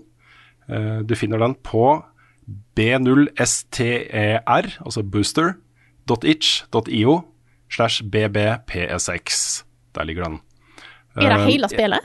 Nei, jeg tror det er egentlig bare første område. eh, Ja, det er som- vel Jarnum fram til Gascoigne i hvert fall. Ja, for du kan ta Cleric Beast og uh, Gascoigne. De er med som bosskamper i uh, det spillet her. Eh, jeg tror ikke det er noe etter det. Jeg tror det er bare det. Men det er en utrolig sær opplevelse, fordi dette er et PlayStation 1-spill, altså. Eh, du kan jo ikke bruke styrespaken. Du må bruke directional pads for å styre. Så det er som å spille et uh, Metal Gear Solid eller Resident Evil eller Tomb Raider-spill fra den tiden, ikke sant? Hvor det ikke var analog styrespakke på kontrolleren. Eh, du kan til og med, da det er lagt inn i koden, sånne typiske slowdowns som var på PlayStation 1 på den tiden, når det skjer mye på skjermen og sånne ting, er bakt inn. da, Du kan velge om du vil ha dem eller ikke, men for å få en så autentisk PlayStation 1-opplevelse som mulig. da. Ja, det er veldig autentisk. Super, super autentisk. Og cutscenes og sånne ting er jo øh, gjenskapt, da. Ja, én til én, Eh, liksom. Alle, alle kameravinkler, alt er helt likt. Wow. Det er helt sprøtt, altså. Men- Eh, og så kan Nei, sorry. jeg si? Eh, nei, jeg skulle Ja, bare altså, legge til at eh, noen av de er jo faktisk skumlere i low poly. Ja, Nei! Jo, altså, Jo. de der varulvene, de ser helt for jævlig ut. I, ja, de gjør det. altså, fordi det er noe med den der PlayStation 1 horrorestetikken som er litt Ja. ekstra creepy. Ja, Og det er jo flere spill, eh, moderne nye indiespill nå, som bruker det som et horrorelement. Ja da. Ja, nei, det er jo, altså Den knotinga med kontrollene er på en måte mye av grunnen til at Resident Evil var skummelt også. Fordi Hadde det vært liksom full eh, bevegelsesfrihet og du kan styre kamera og sånne ting, så hadde det ikke vært like skummelt, rett og slett. Så, så det er noe med det også. Og så er det jo Jeg må jo si det er vilt knotete å spille Bloodborne P6. Eh, og bruke, jeg hele tiden glemmer at jeg ikke kan bruke styrespakene, ikke sant? Så jeg blir jo stående da med masse eh, monstre som bare ganger oppå meg og dreper meg. ikke sant? Det er også sånn Eh. old school kamera, hvor du styrer kamera høyre og venstre med L2 og R2. Stemmer. Det er, det er, det er retro. Ja, og kan ikke styre opp og ned, da. Så det, av og til når du står på kanten av bygninger og sånt, og det er noe under deg, så skifter kameraet eh, automatisk, da. Sånn at du kan se hva som er under deg. Men du kan ikke be bestemme det selv. Nei. Eh, så det er bare aksene høyre og venstre liksom, som du kan eh, justere der, da. Og ikke noe lock-on-mekanikk heller. så det er liksom, ja, ganske vanskelig. Men eh, kjempegøy, da. Du kan bruke alt du vet om Old Yarnham til å spille dette her. Du vet at hvis du går den retningen, så kommer du dit, og hvis du går den retningen, så kommer du dit. Og der er den snarveien som også var der i PlayStation-versjonen.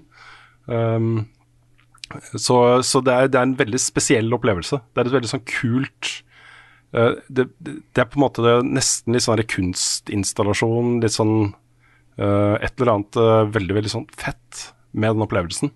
Å se Bloodborne som et PlayStation 1-spill er fett, altså. Det er kult. Eh, og så vet jeg Det her vet jeg vi snakka om for et par år siden, men jeg har jo tenkt nå en stund, da, at disse Eh, etter en viss periode så blir jo ting retro og kult igjen, liksom. Og først var det jo 2D pixel art som på en måte kom tilbake igjen, da, med nye, svære, flotte opplevelser. Og etter en stund så etablerte det seg jo som en helt normal del av dagens spill også, ikke sant. Eh, jeg føler at PlayStation 1-estetikken er litt der nå. Mm. med den måten å tenke spill på, at, at eh, det, det vekker litt sånne minner og følelser fra 90-tallet, eh, tidlig 2000-tall, som var eh, som folk setter pris på. da. Eh, du har fått liksom folk som har vokst opp med disse spillene, og som får en egen sånn kul retroopplevelse av å se det igjen eh, i nye sammenhenger. Så jeg tror da at vi kan komme til å se flere nå sånn 3D retro-spill som ser ut som liksom eh, 64 og, og PlayStation 1-æraen. Det har allerede begynt å skje, så det er, det er morsomt. Mm, jeg syns det er kjempegøy. Så anbefaler det altså. Det er gratis. Vel verdt en titt også, hvis du, hvis du er opptatt av sånt.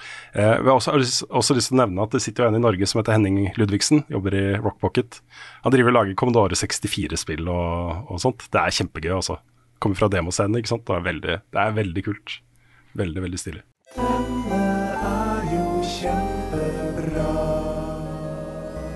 Ukens anbefaling. Ukens anbefaling kommer fra Rune. Oh yes. Uh, og jeg må starte med å si at jeg er ikke noen sånn herre megastor Karpe-fan. Aldri vært det, egentlig. Jeg har alltid likt Karpe. Men ikke blant de som, eh, som er først til å kjøpe billetter til konserter og, og, og sånne ting.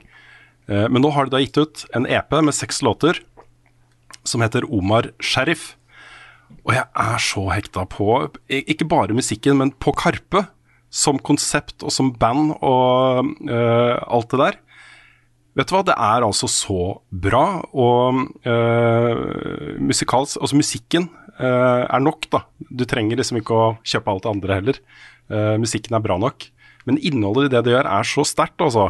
Uh, dette er jo to barn av innvandrerforeldre, og de har jo alltid brukt mye Altså Det har alltid vært utgangspunktet for mye av det de har sunget om og skrevet om og gjort. da deres perspektiv eh, som det andre generasjons innvandrere eh, til Norge.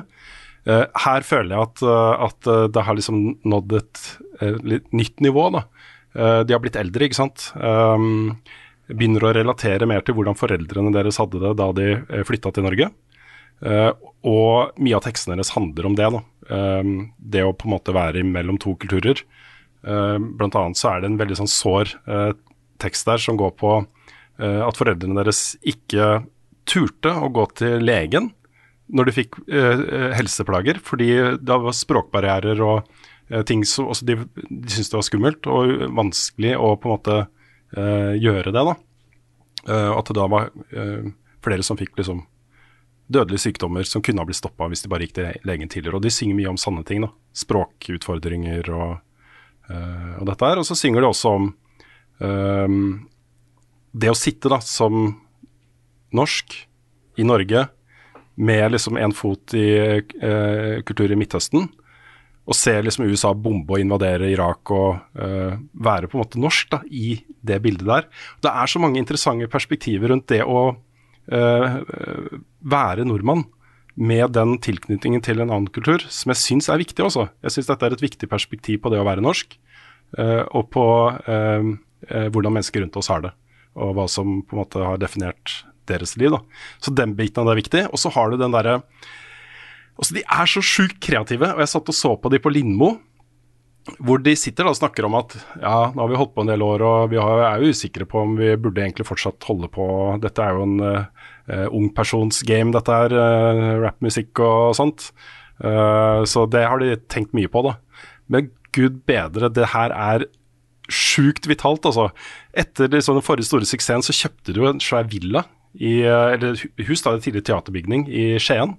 Som de hadde Jeg vet ikke om dere har fått med dere, men de hadde jo en serie konserter der. De inviterte da eh, eh, 100 fans til å være på konsertopplevelse i det bygget. Eh, de fikk inn sånn 30 000-40 000 søknader. Wow. og det var sånne spørsmål som, eh, som eh, Er du klar til å svømme? Og så måtte de svare på det. Da, da var det jo da et, et pool der da, som én måtte svømme i. De ble spurt om livretten deres. Uh, hva er favorittmaten deres? Uh, noen skrev da pizza Grandiosa, og da var det det de fikk. da Mens andre skrev liksom den hjemmelagde retten til moren min. Og da hadde de tatt kontakt med moren hennes Nei! for å oh. få oppskriften og få lagd den retten. Så genialt. Fy fader! Og så var det sånn De gikk rundt i den svære bygningen der, og plutselig så satt de og fremførte en låt. ikke sant? Men hvis de da på, på et annet sted i bygget, så fikk de ikke med det. Altså, det er så mange utrolig kreative, stilige ting de har gjort rundt dette her. Ha. Tenk, tenk å gå på konsert og så bare 'Her er ostesmørbrød til mora di'. ja, Det over, overrasker meg ikke at ostesmørbrød var, eh, var noe som kom fra deg, Karl. ja, nei. nei, det er nok ikke livrett, men det er oppi der. Nei. Nei, så, så, det er jo litt inspirasjon å hente i det også, tenker jeg. da. For uh, det er jo ikke til å skyve under en stol at jeg har også holdt på en stund. Uh, tanken om at kanskje, kanskje, yngre krefter burde slippe til og sånt, har jo streifa meg også. Uh, men når jeg, jeg, kjenner meg litt igjen da, i den der følelsen som de har om at man har mer å gi. At det er liksom Det er ikke over. du har fortsatt en rolle, og gud bedre, det har Karpe også.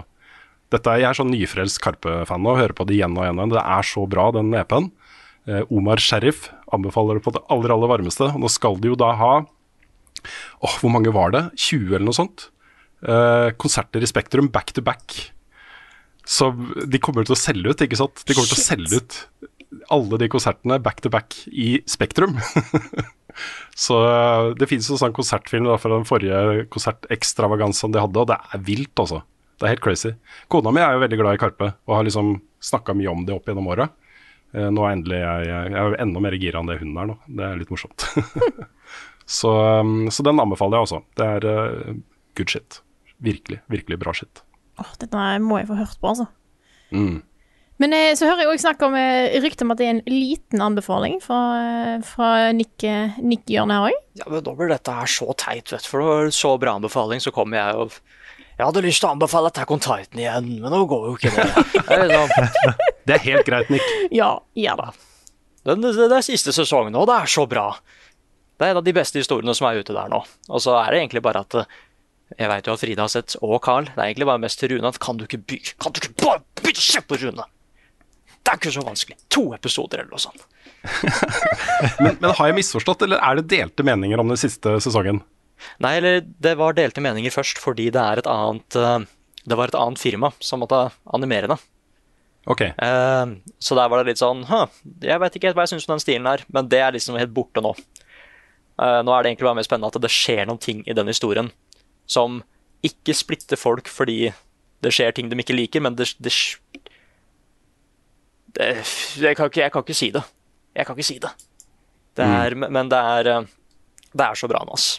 Den siste episoden var helt crazy. Det er Den merker at det er slutten, liksom.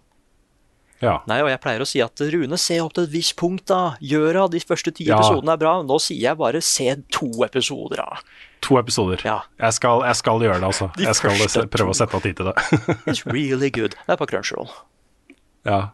Det er vanskelig å finne tid altså, til å se ting som jeg vet jeg burde se. Nå er det liksom etter at jeg så nye Suicide Squad-filmen, Ja. så sånn, nå må jeg jo se den, eh, den nye serien med, med John Cena. Åh, den er bra, ass. Ja, det er det jeg har hørt, skjønner du. så så det, er, det er så mye som står på kø der. Men jeg har gjort ferdig en del serier. Jeg har sett ferdig Sex Education, jeg har sett ferdig yeah. eh, Succession og eh, diverse, så det er plass her. Ja, eh, ja. Nei, for jeg, jeg, jeg trenger ikke at du bare må se alt med en gang, men bare jeg, jeg er så spent på hva du syns om de første to episodene. ja jeg skal, skal få gjort det. Jeg, jeg ser det som hjemmelekse. Jeg skal få gjort det til neste gang. Ah, da må jeg være med neste gang òg, for å se. Ja, det må du. Da har de jo spilt Dying Light, så det må du uansett, Nick. Ja, det er jo faktisk, det er jo faktisk sant. Jeg er nødt til å si én ting til om Karpe, eh, som, som, som et tips til folk. For jeg nevnte jo det Lindmo-programmet som du var med i. Der fremfører du jo en låt fra nye EP-en, uh, 'Fra huset i Skien'. Og så De hadde så ville planer for eh, fremføring av den låta, eh, sier da Lindmo, at eh, de ikke kunne gjøre det i studio på NRK, så det blir gjort da, i opptak fra eh, bygningen deres i Skien. Og Da får du et godt inntrykk av hvor de er kreativt, altså. Er, og musikalsk. Det er kjempebra. Det er kjempebra. Så den ligger jo ute på NRK eh, TV, app og sånne ting. Så se den. Se den, altså.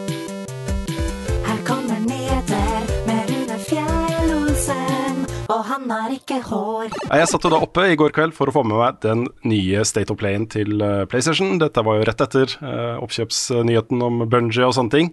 Så litt sånn ekstra spenning da knytta til, eh, til hva Sony skulle vise fram, men så var det jo ikke så spennende allikevel. da. Sånn, også Det ble jo kjent på forkant, i forkant at dette var Gran Turismo. That's it. Ikke noe mer. Og det er stort nok, da. Men uh, uh, det, jeg tror det var noen som ble litt skuffa, som hadde lyst til å se mer. Så, men jeg satte meg nå ned, en halvtime med Gran Turismo 7. Vi nevnte jo tidligere i episoden at det kommer den 4. mars allerede.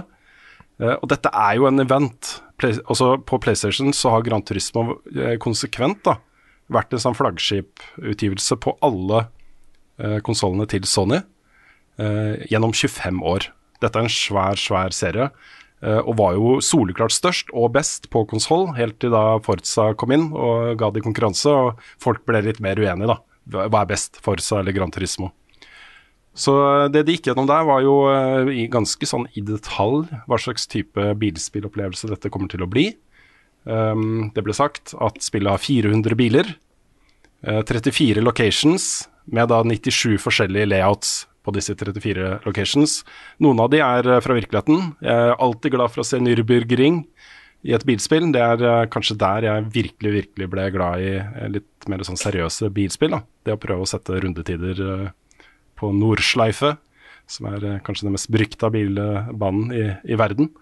Um, og De sier også at det vil komme mer. Så dette er jo da et eksempel da, på Games as a Service-spill, et typisk et, med da kontinuerlig nytt innhold og, og sånne ting. Og det begynte de med allerede uh, med Grand Gran Turismo Sports. Så begynte det å komme litt sånn jevnlige utgivelser av nye biler og baner og, og sånne ting, da. Eh, de sier også at førerkorttestene er tilbake. Elsket og hatet, ble det sagt der også. Det er jo helt sant. Hvis du først har tatt uh, førerkort i et Grand Turismo-spill og blitt uh, lært deg å kjøre Grand Turismo, så trenger du ikke å ta den en gang til. Og det er litt irriterende noen ganger å bli tvunget til det. ikke sant? Du får ikke lov til å begynne å kjøre ordentlig på baner før du har tatt den testen, og det er litt sånn derre slog. Ja, Så jeg håper ikke det er eh, påkrevd at man kan velge å skippe den hvis man uh, føler seg kom, eh, kapabel. Ja. Hoppe over trafikalt grunnkurs. Ikke sant? For det er det det er, da. Det er det det er. Uh, men for folk som er nye da, til simulasjonsbilspill, så vil jeg anbefale den. Fordi det er en del sånne basics som er veldig viktig å kunne for å klare å hevde seg, og det er sånn fart inn og ut av svinger, f.eks. Eh, superviktig. Fordeling av vekt på bilen, hva eh, bremsekraften gjør med, altså tyngdekraften gjør med hvordan bilen oppfører seg på veibanen og sånne ting. Masse basic eh, kunnskap da, som ligger i de testene. Det vil også være split screen multiplayer, det ble jeg glad for å se. Pluss da en sports online-del, som også vil ha både ranked og ikke ranked multiplayer. Så den biten er jo med videre da, fra Gran Turismo Sports. Uh, og så vil du få en sånn stor hub, Uh, som de ser på litt som en sånn uh, bil-theme park. Litt sånn Forza Horizon-hub, da. Eh, hvor, hvor det bl.a. er en sånn kafé. De sier at dette er, dette er liksom hjertet i campaignen i spillet, er den kafeen. Der du får en meny hvor det f.eks. er tre forskjellige eh, Ferrari-biler. Og så må du liksom samle de ved å spille spillet, da. Enten kjøpe de eller vinne de i races og sånne ting. Når du har fullført den siden, så kan du gå videre til en annen side. Eller du kan samle på flere samtidig. Men når du har fullført hele menyen, med alle de bilene som er på en måte sånn nøkkelbiler i spillet, så er det på en måte, da får du rulleteksten i spillet. Det er det som er avgjør om du er ferdig med spillet eller ikke. Det som var litt morsomt der, var at eh, det vil også da være i den kafeen en historisk gjennomgang eh, av liksom historien til de forskjellige bilmerkene. Og det ble da vist i veldig sånn kjapt eh, historien til Porsche. Eh, og dette er jo tysk, tysk selskap, og jeg er spent også på om de har med eh, Kybelwagen og Schwimmwagen. Og ikke minst Panserjeger Elefant fra da tidsperioden mellom 1940 og 1945. Så det er jo en del av historien til Porsche, det også. Så, men det, vi, vi får se, da. Det er jo flere, flere bilprodusenter som, eh, som eh, var involvert her. Vi Vil si at Porsche ikke er den som har fått mest kritikk i etterkant. da. Eh, Blant annet så var det jo arbeiderne på Porsche-fabrikkene hadde en sånn P på, på klærne sine. For Som da ikke sto for Porsche, det sto for Polen. Å ja. uh, Ah. ikke sant? Det var det første landet som Tyskland invaderte uh, av naboene sine. Så, så de var nok uh, tvunget. Det var litt sånn tvangsarbeid. Det, det er det vanskelig å kritisere. Og så er vi over på de litt mer juicy tingene. da. Um, dynamisk vær eh, og bil- og veifysikk av en annen verden, altså. Og der, Jeg satt hele tiden mens jeg så dette her og tenkte why? hvorfor? Hva? Altså, jeg, jeg skjønner jo hvorfor, men, men det, er så, det er så utrolig detaljrikt. Hvordan på en måte øh, øh, øh, barometertrykk påvirker hvordan bilen oppfører seg på veibanen.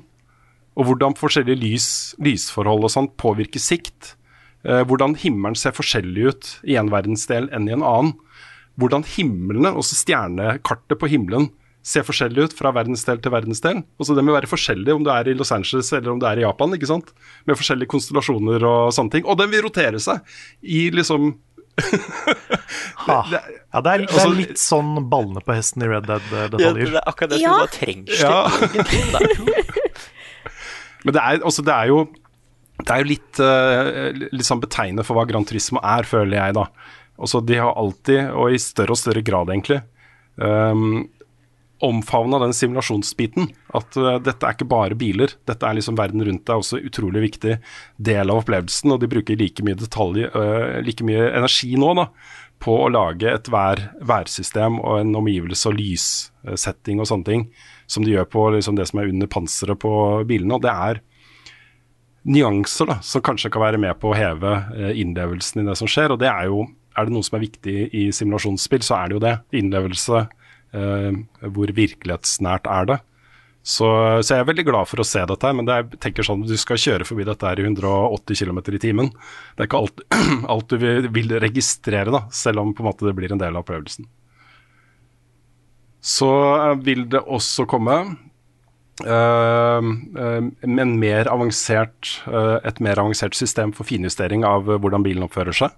Hvor du kan eh, fordele liksom, power og, og sånne ting inn under panseret. Eh, gjøre den f.eks. kraftigere til en viss type race. eh, mer kontroll i et annet type race osv. Eh, det vil også være en egen markedsplass hvor folk kan selge eh, designs, altså sånne eh, libraries, til biler. eh, og masse andre ting da, som du kan lage eh, i dette spillet her. Fotomodusen likte jeg veldig godt. Der får du muligheten til å plassere bilen din på liksom forskjellige utrolig stilige locations over hele verden. da. Med sånn bambustrær i bakgrunnen og sånne ting. Og så får du kjempemange innstillingsmuligheter på det kameraet da, på å ta kule bilder. Eh, så det tror jeg blir kult. Og så da, ikke minst, dette tror jeg kommer til å bli eh, den delen av Grand Turismo 7 som blir viktigst for folk, og som kommer til å skille det mest ut fra konkurrentene. DualSense-integrasjon. Med den der følelsen av å liksom At du kjenner veiflaten i, i kontrolleren, og alle u- ujevnhetene og, og den type ting. Eh, og ikke minst også kan du simulere vektfordelinga på bilen. Da. Du vil kunne føle på DualSense-kontrolleren om bilen din er veldig fronttung eller baktung i akkurat den situasjonen, og tilpasse liksom farta di i svingen på etter det. Da. De tingene der, altså. Det, det har vi jo ikke sett i et Gran Turismo-spill før. Og jeg er veldig spent på akkurat hvor, eh, hvor bra det blir. Eh, Kan du føle det, sånn på ekte? Ikke sant? Det er og Jeg vet det er masse folk da som er sånn purister, som sier at eh, bilspill skal man spille med ratt og pedaler. Alt annet er helt uaktuelt.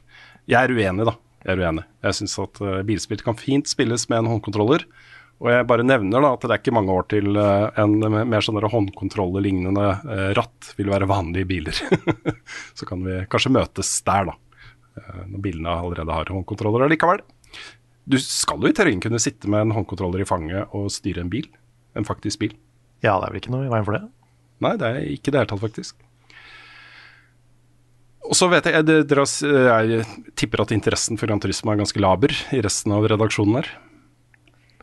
Det er ikke helt min sjanger, men jeg, jeg syns jo de nye trailerne både for Gran Turismo og Forsa har vært uh, utrolig sånn visuelt flotte å se på. Så Mm. det er jo noe der som appellerer til meg. Men, eh, men jeg er jo veldig lite inne i bil og bilspill. De ser veldig fine ut. Da gjør de. Mm. Altså Gran Turismo er jo et eh, spill som har tviholdt litt på noen sånne designfilosofier som jeg både respekterer de for, og som jeg har kritisert de for tidligere. Eh, og de, dette er jo på en måte litt sånn derre konnoissør-bilspillopplevelse. Dette handler om en sånn kulturell nytelse av bil og bilkultur. Um, og det gjenspeiler hele opplevelsen. Den er på en måte ikke en rock'n'roll på samme måte som det Forza, i hvert fall Forza Horizon, men også Forza Motorsport, som jo er den uh, Forza-serien som uh, ligner mest på Gran Turismo. Um, og det er liksom litt sånn derre Enten så elsker du det, og da er det ingenting som er bedre enn Gran Turismo, eller så hater du det litt, og da er det på en måte, kan det fort bli kjedelig, da. Eh, når du må på en måte skape din egen entusiasme rundt det du opplever på banen ved å ha kjærlighet for biler, liksom. Eh, og for bilspillopplevelser. Eh, så, så det er litt sånn Jeg satt og gjespa litt under den presentasjonen. Men det ble hele tiden på en måte avbrutt av at å, fuck, dette ser imponerende ut. Så jeg er veldig spent også på hvordan den opplevelsen blir. Eh, ikke minst så sier du at eh, at uh, hvis ikke du er kjent med simulasjonsbilspill fra før, så skal du også kunne spille dette spillet. De har innstillinger der på plass for folk som eh, ikke uh, er så gode på det fra før. Det er også en sånn ting som Gran Turismo-serien ikke har vært så flink til tidligere. Da. Kanskje litt med unntak av sports, men uh, det, også der var det ganske høy terskel for å kunne gjøre det bra i, i løp. Så, um, så nå er det et uttalt mål da, om å gjøre det så tilgjengelig som mulig. Og Det betyr sikkert uh, fokus da, på, på sånne innstillinger som eh, har begynt å bli vanlig i spill nå. Hvor uh, man skal kunne spille nesten uansett hvilket ferdighetsnivå man er på. da. Ja, jeg er, jeg er spent på om de ansetter tegnspråkpersonen igjen fra Forsa. Ja, ikke sant? For eksempel. Men det kommer da altså 4. mars.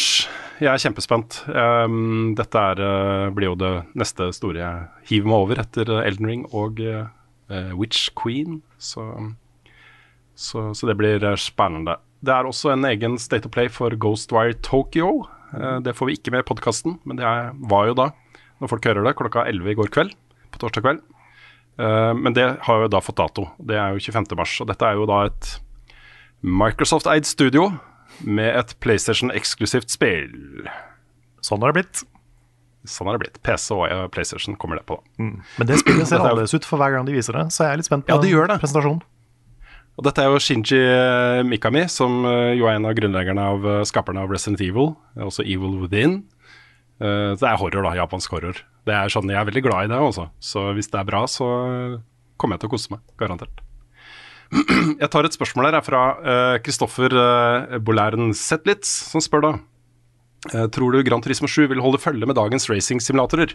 Tenker da på kjørefysikk, grafikk etc. Jeg selv gleder meg som en unge og har alltid vært fan av serien, men lurer veldig på hva slags tanker du har rundt det.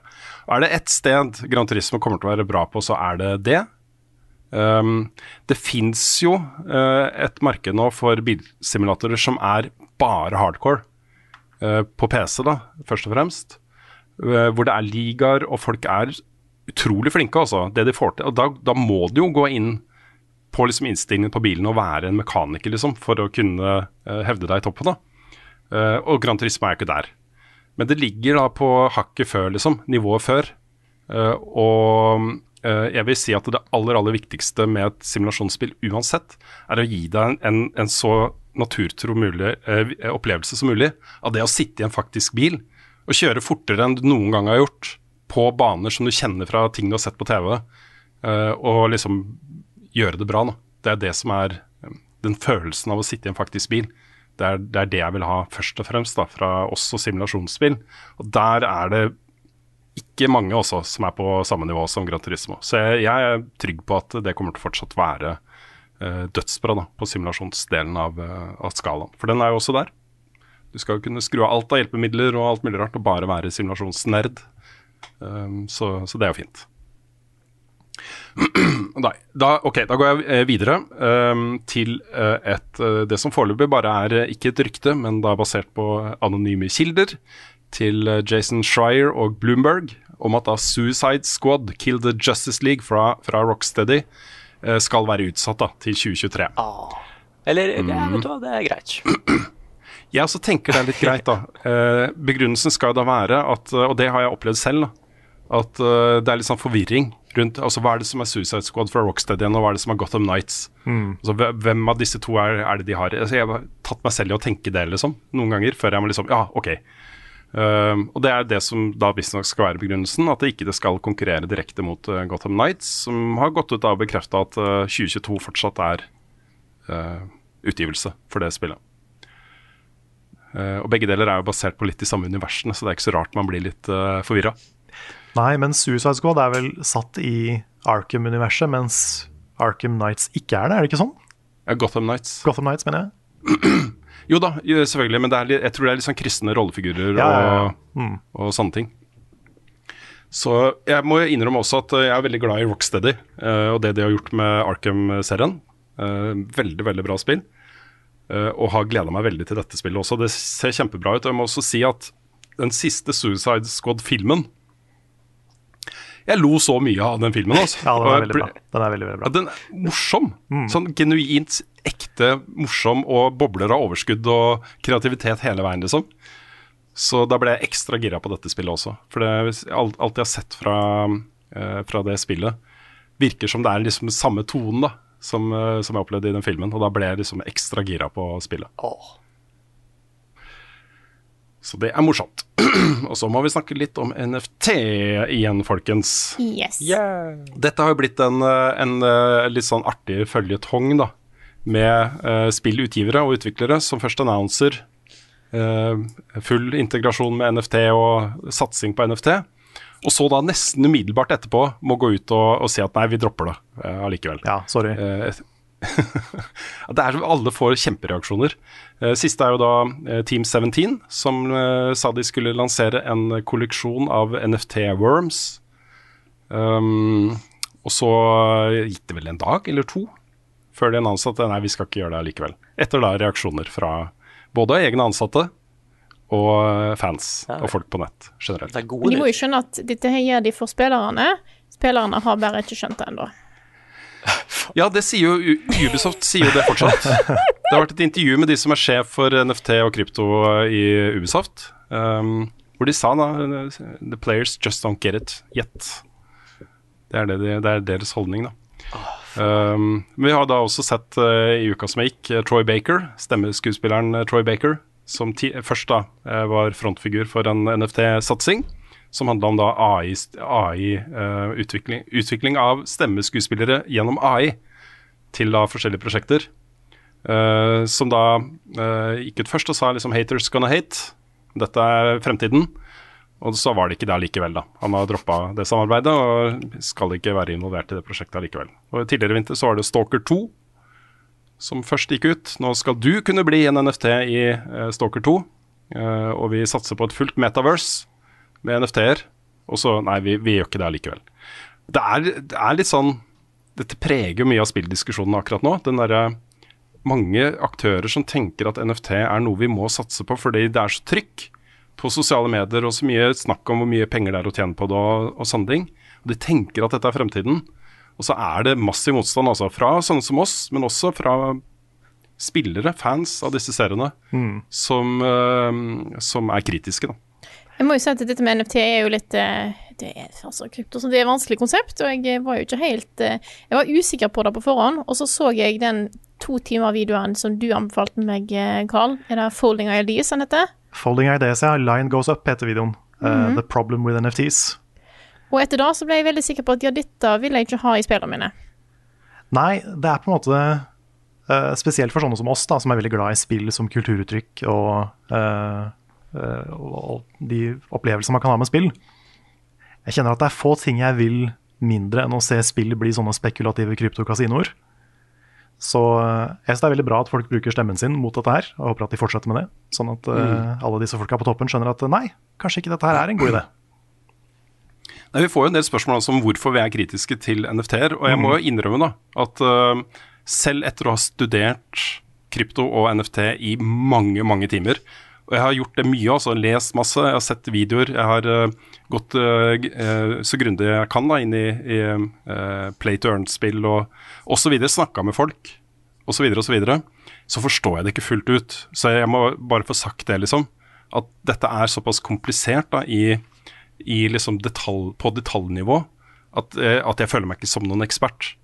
Men det, min holdning til NFT og krypto er mye basert på en litt sånn overbyggende skepsis til å gjøre alt til en børs. Og til å gjøre alt er kommersielt. Du skal kunne tjene masse penger på å investere i NFT og krypto ved at noen andre kjøper det for mer enn du har kjøpt det for. Og så Hele filosofien rundt disse modellene er basert på det, da. ikke på spill som kunstuttrykk eller kulturuttrykk, eller sosiale arena, for den saks skyld. Uh, og når man da snakker om å innføre NFT og krypto i spill, uh, med en begrunnelse om at uh, det vil gjøre spill bedre, så er jeg sterkt uenig i det. da. Mm. Alle de tingene som mange da sier krypto vil forbedre spill på, alle de måtene det vil forbedre spill på, kan gjøres uten at det blir en børs. Ja, det kan gjøres helt uten krypto. Helt uten krypto. Og så må da også folk ha fått med seg, tenker jeg, gjennom de siste årene at vi også er kritiske til andre økonomiske modeller knytta til spill som kulturuttrykk. Mm. inkludert av mikrotransaksjoner og paywalls og progression walls og den type ting da, i, i gratisspill. Så dette er ikke en, en sånn Det er ikke bare knytta til NFT og krypto, men det er knytta til det at krypto og NFT er så spekulasjonsbasert. Mm. Um, og så syns jeg også at uh, i hvert fall min, mitt inntrykk av at mange av disse spillene da, som har vokst opp rundt dette her, uh, play to earn-spill og, og, sånne ting, først og fremst eksisterer for å gi folk med kryptovaluta noe å bruke pengene sine på, eller bruke, bruke kryptovalutaen på. da. Um, er, du skal ikke grave deg dypt ned i et uh, Discord-community rundt en eller annen kryptovaluta eller en NFT-satsing før det der presset rundt å investere og bli en spekulant da, på dette markedet her begynner å vokse, også, med mm. botter som kommer inn i innboksen din og, og, sånne ting. Ja, og der har du de koblingene til multilevel marketing og disse tinga, hvor ja. alt handler om å vokse, få inn nye folk, få inn nytt blod, sånn at de som allerede er der, uh, kan tjene penger og få da merverdier. Mm. Jeg skjønner at det er mange som har tjent mye penger på krypto. Eh, det er en børs, det er det samme som på aksjemarkedet. Men jeg trenger ikke et aksjemarked inn i mine spill. Da at jeg kan kjøpe og eie et skin i et spill, vil ikke gi det til en bedre historie. Nei. Nei, og så sånn kan du også allerede kjøpe og eie et skin i et spill, helt uten bitcoin og krypto, på en mm. måte. Mm. Så det, det er på en måte noe ingen trenger. Og det er noe som umulig kan gjøre spill som spillopplevelse bedre, på samme måte som mikrotransaksjoner. Som det beste du kan håpe på, er at det ikke er in your face. Ja. Liksom. Det har aldri vært et, en mikrotransaksjon som har gjort et spilldesign bedre. Nettopp. Og det er eh, Jeg, jeg må også si at eh, hvis krypto-community hadde vært eh, mer ærlige på hva, hva det egentlig er, at det handler om litt mer sånn tradisjonell spekulasjon med penger, da, og så få penger til å vokse, um, så hadde jeg kanskje vært litt mindre kritisk også. Fordi jeg aksepterer jo at det eksisterer et aksjemarked hvor folk går inn og Selv om jeg også Det er jo Sitte og se på Exit f.eks., og hvordan de gutta holdt på. Det er jo ting som skjer der som er helt for jævlig. Mm -hmm. uh, store boligskandalen i USA, som jo uh, på mange måter starta opp uh, satsingen på krypto. Hvor eh, folk spekulerte i at folk skulle ikke klare å betjene lånene sine på boliger. ikke sant? De bare pumpa ut lån til folk. Og så spekulerte man i at de ikke skulle betale det, og tjente masse penger når folk gikk konkurs. ikke sant? Personlig konkurs. Det, alle de sidene er jo både naturlig og bra å være kritisk til, selvfølgelig. Eh, Men det at det i et kapitalistisk samfunn eksisterer modeller hvor folk skal kunne bruke penger for å tjene penger, det går det liksom ikke an å være kritisk til. Det er det samfunnet lever i, på en måte. Eh, og at det også eksisterer da på krypto, det, er, det aksepterer jeg, liksom. Det, hvis folk har lyst til å investere i krypto, så be my guest. Men dette handler om uh, mitt hjertebarn, dataspill, ikke sant, som kulturopplevelse, Uh, og da blir det noe annet. Ja, sant. Også et, et siste poeng på akkurat det med teknologi. Så er det helt riktig, det er eh, ingen av oss som forstår i detalj denne teknologiske uh, greia som styrer blokkjede og alle disse tinga. Men man kan likevel se og være kritisk til de mange røde flagga rundt eh, økonomien og systemet. Uten å måtte kunne det tekniske. Så da at vi er negative, er ikke fordi vi ikke har forstått, ikke har forstått det. Nei, for det er en veldig sånn vanlig eh, respons å få. At nei, dere har bare ikke skjønt det. Disse folka er mye smartere enn dere, de som lager det, og de kommer til å fikse det, og de kommer til å gjøre det bra. Den tilliten har ikke jeg verken til de som sitter i toppen av krypto, eller til spillbransjen. Vi lar det være siste ord for denne gangen, da. Jeg har lyst til å gjøre noe skikkelig på krypto og NFT. Jeg føler at vi må det uh, utover året en gang. Men vi kommer tilbake til saken. Så øh, yes. Vi går videre til noe som absolutt ikke har noe som helst med krypto å gjøre i det hele tatt. Uh, nemlig Yacht Club Games, som jo er utviklerne av Shovel Knight, som nå har vist fram sitt nye spill, Mina the Hollower. Ja, som, uh, som-. Helt nytt, helt nytt spill. Uh, nå er det jo på en måte over i litt sånn Gameboy Color-grafikk. I et litt sånn Zelda Castlevania jeg ble- ser jeg blir brukt da, som referanse for, uh, for uh, den visuelle stilen og uh, teknologien bak dette her. Og det er jo da en mus, en liten mus, i det de kaller en bone chilling experience. Oh my. Så litt sånn tredje, 3D, eh, ikke 3D, da, men sånn top down action adventure, Zelda-lignende, med litt sånn voksne temaer og uh, skumle ting. Ja, Er kult, det, er det, kult å se de gjør litt andre ting. Mm. Dette er også som Shovel, Shovel Knight var det. Og Shovel Knight har jo blitt et sånt ganske innflytelsesrikt og populært uh, indiespill. Um, jeg ser det er mye referanser til det i mange andre ting også. Uh, og akkurat som med Shovel Knight, så er også uh, Mina the Hollower uh, nå ute på Kickstarter. Så det er tidlig i utvikling, da. Men den traileren er dødsfett, så den anbefaler jeg å ta en kikk på.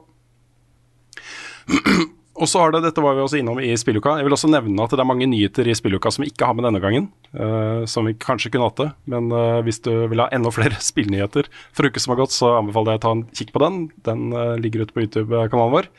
Men Wordle hadde vi med der. Og det er jo da solgt til New York Times for et ikke nøyaktig kjent beløp, men da low figures, low seven figures. Så i hvert fall én million dollar, da. I hvert fall minst én million dollar. Mm. Jeg skjønner Dette var jo det. sånn derre Det det er mange som spiller da. Det krever serverkapasitet. Jeg skjønner godt at han har solgt og spiller videre til noen andre. Ja, ja så det, det, det gikk jo fra å være en sånn ting som han lagde først bare for kona si, til å være Altså, han la det jo ut. Det er jo bare en nettside, en browser, eh, et browserspill, dette her. Eh, kommer et nytt ord en gang i døgnet som folk skal gjette hva, det ordet er. Så får de hint da, om de har riktige bokstaver eller ikke, om det står på riktig plass eller ikke. Og så fikk det sånn gradvis flere og flere spillere. Det gikk veldig sakte opp mot jul. Jeg tror rundt eh, juletider så var det rundt 200 000 som eh, spilte det daglig. Nå er det jo mange titalls millioner. Og det, det er liksom alt fra Shuhei Yoshida og svære personligheter på Twitter som poster disse her grønne og gule firkantene eh, eh, på sosiale medier, til sånne som oss. Jeg spiller det hver eneste dag. Mm, jeg spiller jeg det, ikke sant? Det er blitt en kjempesting nå. Eh, Så jeg skjønner at dette er interessant for New York Times. Og grunnen til at det er interessant for de, er at de har en diger kryssord og sånn puzzle-satsing, som også er en egen ting. Da. Du kan eh, abonnere på det, bare det på nett. Og det er også en egen app på telefon, eh, med da bare kryssordene og ordspillene de har der. Og tallspillene, det er det også. Så der vil jo Wordle være et eh, flott nytt eh, eh, tilskudd. Jeg må innrømme at jeg ble litt glad da jeg så at det også da sannsynligvis kommer i den appen, for den appen har jeg. og den kan også være villig til å betale litt i måneden for.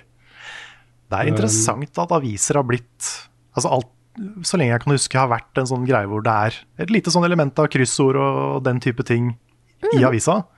Ja. Det er litt som om nyhetssendingen skulle hatt liksom en litt sånn spørrelek på slutten. Liten quiz. Liten quiz Ja, ikke sant? på slutten av nyhetene, liksom. Ja, men det er sånn Jeg leser jo Aftenposten papir fortsatt. Så gammel er jeg, da. Så gammel og ute av takt med tiden er jeg til jeg leser papiravisa Aftenposten hver dag. men de har jo kryssordet sitt, mm. pluss en sudoku, eh, som, som er også Hvis de slutter med det, så kommer folk til å slutte å abonnere på Aftenposten. Mange, da. De kommer Ja. til å se det tydelig. Ja, men det er en veldig, veldig fin ting. Litt sånn interaktiv del av uh, nyhetshverdagen. Ja, ikke sant. Um, så, um, så det får se. Det, en annen ting som er veldig morsomt med Wordle, er jo uh, hvordan det har påv- påvirka mange andre til å lage ordspill. Og nå har de da fått, jeg sendte jo til dere på uh, Messenger-gruppa vår i går, Ja. en som heter Nerdle Game. Nerdle. Nerdle. Eh, det er nerdlegame.com. Da, da skal du gjette et regnestykke. Å, det er så gøy. Ja, det er kjempegøy. Det er, det er fordi du har liksom Du har logikkbiten oppi dette òg. Å, det er så fint. Ja. Å, jeg koser meg Ja, sånn. det er kjempebra. Her skal du da plassere tall, pluss, minus, ganger og delt på, i riktig rekkefølge, og den er lik, da. Um, og da er det sånn at uh, før er lik, så kan det være hva som helst. Det kan både gange og pluss og minus i samme regnestykke, liksom. Uh, men etter er lik er det bare alltid ett tall. Så du begynner jo liksom å prøve å finne ut hvor skal er lik stå. er det tosifra eller ett- ensifra eller tresifra eller hva, ikke sant? Og så begynner man å teste ut, og så får man den samme greia da. Grønt hvis du har riktig tall eller riktig øh, øh, tegn tegn på riktig sted, og gult hvis det er med, øh, men på feil sted. Og da eh, tror jeg Nei, lilla hvis det er med, men på feil sted, er det her. Så, så er er akkurat samme greie som Wordle, men da med tall. Og så har du Loodle.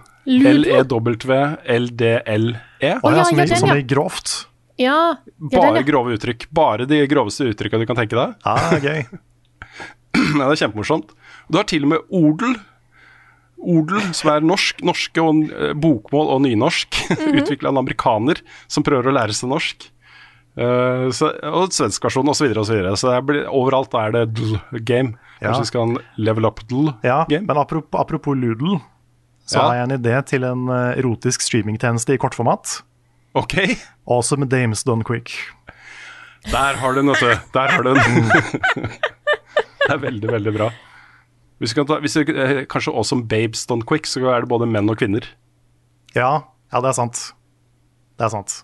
Men jeg bare liker dames. Det er vanskelig å gå Mm. Ja, bort fra er, dames. det, er, det er veldig nærme games. Det er det. det er det. Ja, Det var en strålende idé, Karl. Uh, skulle du bare gjort det, eller? Skulle du bare gjort det? Jeg vet ikke om jeg skal kaste meg på pornobransjen, men uh, får la det bli med ideen. Ja, ikke sant.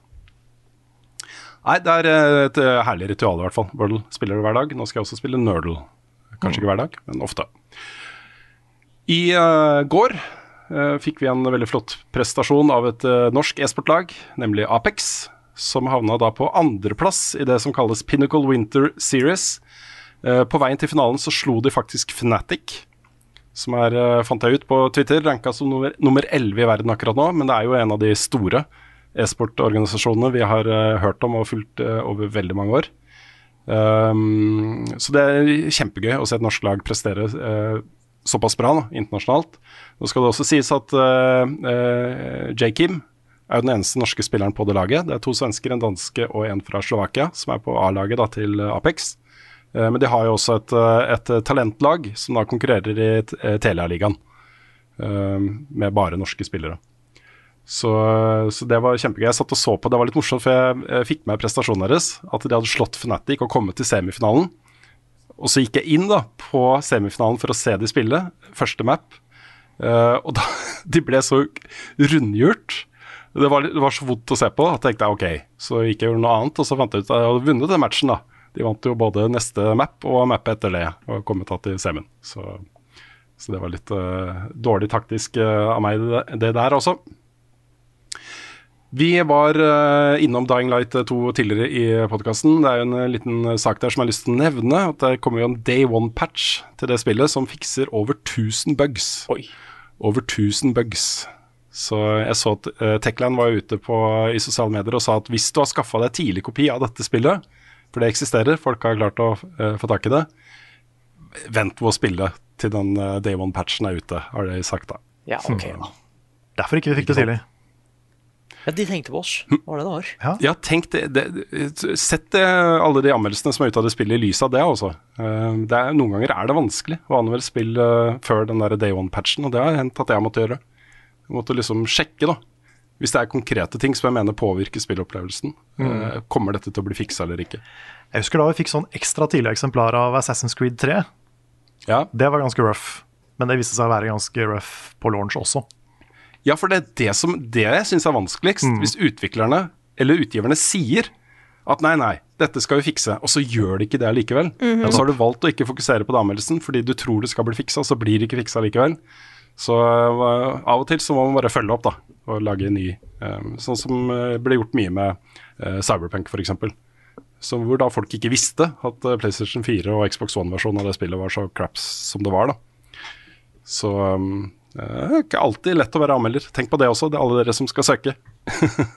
det er noen sånne ting man må forholde seg til også. Ja, vi har det vanskelig.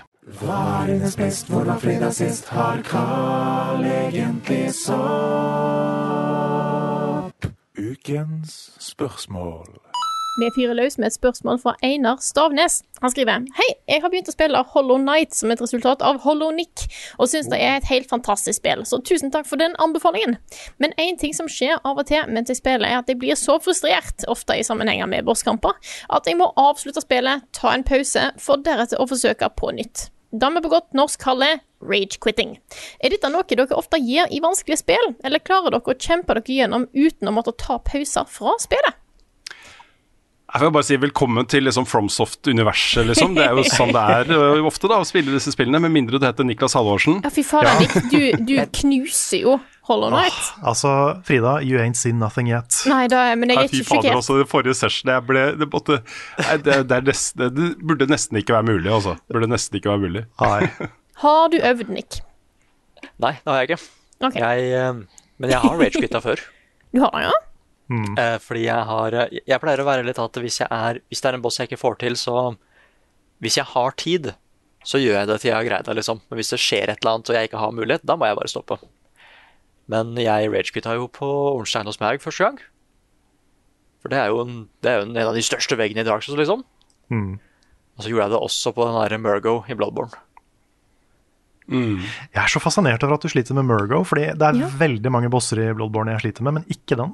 Ja, fordi Murgo er helt krise for meg. ass. Jeg klarer ikke å lære Det er, det er også en greie som er så kult med Hollow Night, er at ting er så uh, Det er så det, det er ikke lett å se det, men det er så åpenbart hva de skal gjøre. Mens med Murgo så er det så mange Ja, ikke sant? Og med Murgo så er det bare så mange bevegelige deler og ting og tang og skits som bare setter meg helt ut.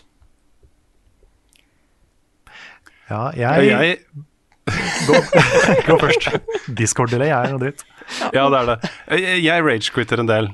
Um, men det er på en måte en- Jeg føler nesten det er en del av opplevelsen, altså, fordi det som ofte skjer da, hvis du står fast på en boss, en vanskelig boss, det er ofte det som er greia, liksom, og du tar en pause fra det, så er det et eller annet med, som skjer i liksom, hodet og forventningene til neste forsøk, og du går liksom Det er ikke bevisst kanskje engang.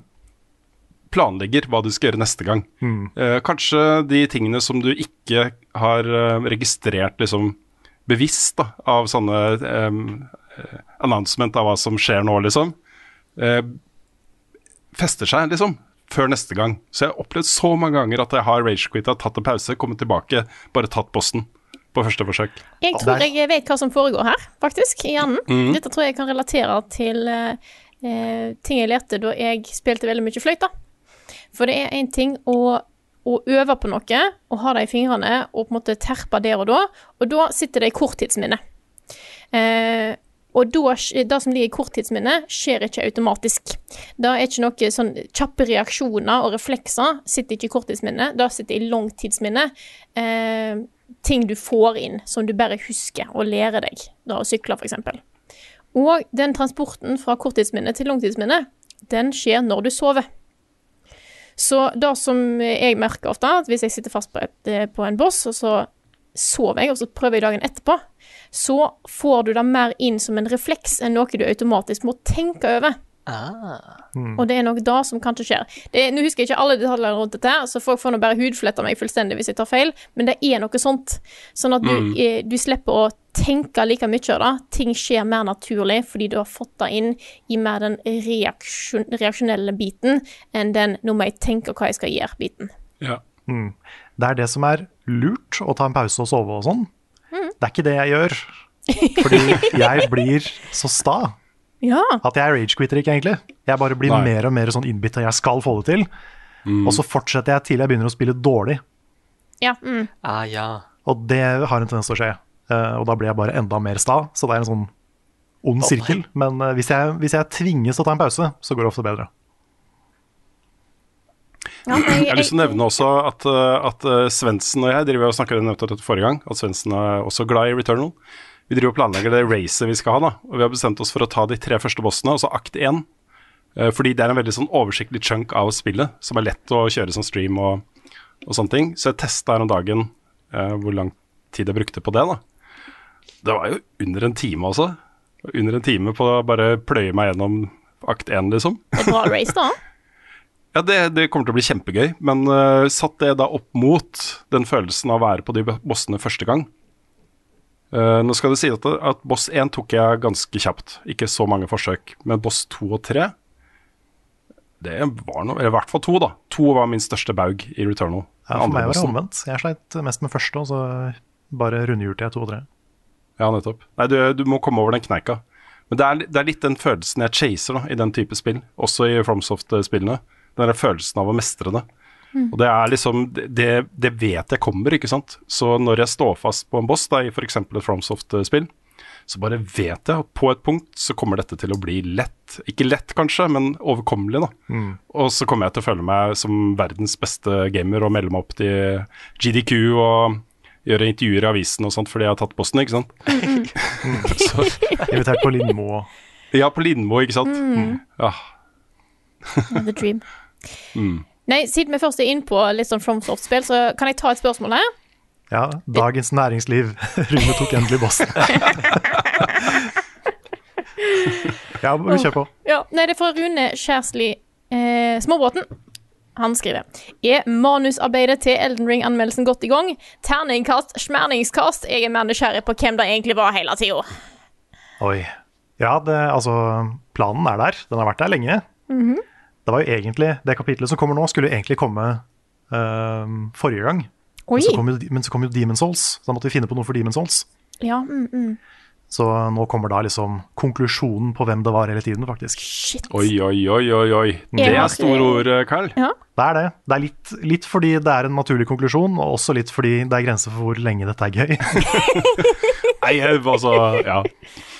Ja, men jeg tenker sånn, da du kan gjøre noe, skjønner du, at eh, du sier den konklusjonen nå, og så neste FromStore-spill, så har du ingenting av det i anmeldelsen, og så kan du trekke det fram i neste anmeldelse der igjen. Ja, Og da blir ikke det sant? gøy. For da blir det gøy igjen. Ja. Du må bare ha en pause. Det er litt Mhm. sånn Du må bygge opp til en ny Avengers Endgame, ikke sant? Ja. Mm. Så det er mange muligheter her. eh, Mange muligheter, Karl. Innpå noe der, altså. Mhm. Ja. Nei, har du et spørsmål på lageret, Karl? Ja, det er jeg. Skal vi se. Skal jeg bare finne det her. Eh, Hans Christian Andersen, eh, ukens hotteste tips. Carl har kjøpt leilighet. Gyllen anledning til å snakke om hvor man får kjøpt den beste spillkunsten å hegge på veggene. Å hegge på veggene og henge på veggene. Og mitt tips nummer én der, eh, den kunsten jeg har på veggene, som er litt sånn abstrakt Final Fantasy art, kjøpte jeg på Society 6. Og det er lenge siden jeg har vært innom og sjekka der nå, men det var i hvert fall veldig mye bra utvalg der før. Så kan det være at jeg skal tilbake dit når jeg skal innrede det nye, det nye hjemmet. Så sjekk ut det. Men det er jo mange andre bra steder også. Ja, Det jeg liker med Society, Society 6, er at uh, der har du uh, kunstnere og designere som har bare lagd um, bilder inspirert av. Altså Ja. Det er ting som ikke åpenbart er Metroid eller Half-Life eller hva det skulle være, men det er, er på en måte alle som vet hva det er fra før, vil bare sånn Å, ja, her er en som kan ting. Ja, det er, det er subtil nerdkunst. Ja, ikke sant. Det er jeg veldig glad i. Skal det sies at i den esken her, som jeg holder opp nå, denne avlang pappeske som kom i posten her om dagen, så ligger det et uh, offisielt uh, artwork fra Walt of Glass fra Bungie. Oi, Oi, ja, det tror jeg skal opp på nye kontoret vårt, hvis jeg får lov. så gøy. det skal vi nok få plass til. Ellers har vel Ja. Displayt òg en god del ting, har de ikke det? Jeg Jo, jeg har jo faktisk en- eh, to veldig kule Fromsoft displays uh, hengende opp på her hjemme. Mm. Nice. Yes. Eh, hadde du et spørsmål til Carl? Jeg kan ta et til, som, eh, og som også er til meg her. Yeah. Det er fra Daniel Kvien, um, som eh, skriver bare en ting jeg stussa på litt til videoen din av Topp 10-spill 2021. Du sa du likte mer Vania-delen enn Metroid-delen i sjangeren Metroidvania. Visste ikke at det var to forskjellige ting. Jeg trodde man smelta de to titlene sammen, siden de begge har det samme premisset gameplay-messig. Og det er jo for så vidt riktig at de smeltes litt sammen. Det jeg mente med den setningen, var mest at jeg er mer glad i litt sånn melee combat og karakterutvikling i den delen. Sånn, det kan godt være et level-system, sånn som det er i Castlevania. Um, og den type ting. Da. Det er mange likheter der, men det er noen subtile forskjeller på Metroid og Castlevania. Og jeg er nok litt mer glad i litt den der melee combat Castlevania-biten da, Ja. enn jeg er glad i litt mer den der skyte-missile-greia til Metroid. Så det var litt det jeg, det jeg la i det. Ja. Den er grei. OK, Rune. Kan jeg ta du et, eh, ja. Kan jeg ta et? Ja. For det er også til meg. Det er fra uh, Urdnot per Perplex. Som spør da, gikk Outriders litt i Runes glemmebok under utarbeidelsen av topplista for 2021? Med de meget positive ordlag og anmeldelse av til hele ni av ti kan det umulig ha vært langt unna topp ti. Og det er Jeg valgte jo denne gangen her å ikke ha en honorable mentions-liste.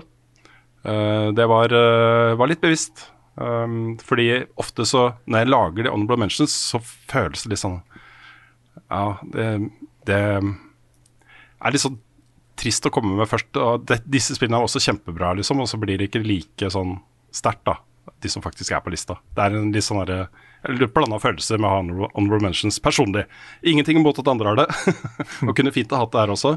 Men det var jo særlig tre spill da, som lå og vaka på den honorable mentions-lista. Det var Outriders, Halo Infinite og Little Nightmares 2. Alle de tre spillene var sånn oppe til vurdering, da. Sterkt på en eh, plass på topp ti. Så grunnen til at Outriders ikke kom der, var jo fordi um, det hadde jo en sånn sweet spot som var innmari svær, og som var grunnen til at jeg ga det ni av ti, liksom. Hvor du kommer til et punkt hvor modsa du setter på, bildsa du lager og sånt, er innmari gøy. Det er sånn ordentlig, ordentlig, ordentlig gøy, og et utrolig bra co-op-spill. Um, med disse expeditions og sånne ting. Men så kom jeg til et punkt, og det var jo lenge etter anmeldelsen, hvor, uh, hvor det å chase den perfekte bilden ble en helt jævlig opplevelse. Som gjorde at det til slutt ga meg, da. Men jeg har jo over 200 timer i det spillet. Uh, og over 100 av de er forsøk på å chase en bild som bare Den ene tingen jeg mangla, droppa bare ikke. Det bare droppa ikke. Etter så mange forsøk, da.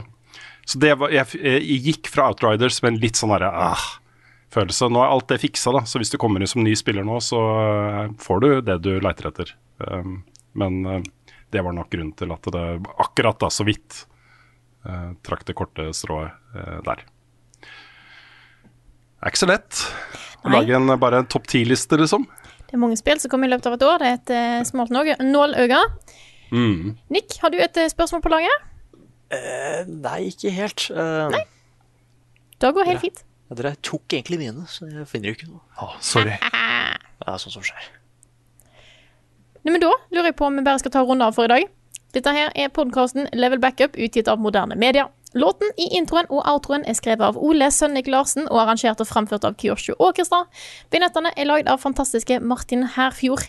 Du finner mye mer innhold fra oss, inkludert topplistene våre, på youtube.com slash levelupnord. Og følg oss på twitch.tv slash levelupnord, så du er klar når Svendsen og Rune skal race i Returnal. Jeg har lyst til at, eh, at eh, kommentatorer skal være eh, Carl og Nick. Ja, Ah, okay. jeg er med. Jeg Lett. til. Og jeg kan passe på chatten. Er. Ja, men ta og eh, bli med på discorden vår, discord.gg slash levelupnorge, og hopp inn på my, eh, levelupnorge.myspreadshop.no hvis du har lyst på kult merch. Hvis du vil ha kul A på veggen, så har jeg med en plakat. Den finnes. Bare så, så folk vet det. Gå inn på slash levelupnorge hvis du har lyst til å støtte oss, og da vi gjør, så gå inn der og støtt oss med det beløpet du sjøl har mulighet og lyst til. Vi setter ekstremt stor pris på alle som støtter oss. Vi kunne ikke gjort dette uten dere, og vi kunne i hvert fall ikke ha kommet til den posisjonen vi er i nå, der vi skal ha inn masse nye anmeldere. Så eh, tusen, eh, tusen takk til alle som støtter oss på Patreon. Og ta og søk, da, på stillingen vår. Sjekk ut videoen. Den ligger på youtube.com. Eh, Gjør det. ikke bare litt grann gruppepress herfra, men eh, du vet. Kom igjen, da. Bare litt. Mm, lite grann. Mm. Liten søknad. Bare en liten søknad. Å ja da. Nei, men eh, da sier vi tusen takk for oss for denne uka her. Og så snakkes vi igjen neste uke.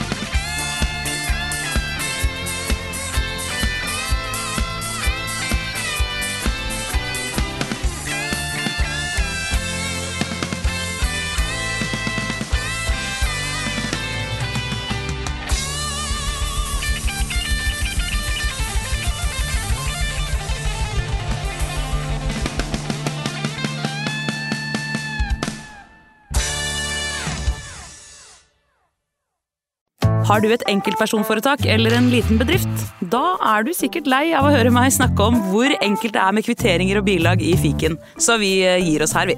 Fordi vi liker enkelt. Fiken superenkelt regnskap.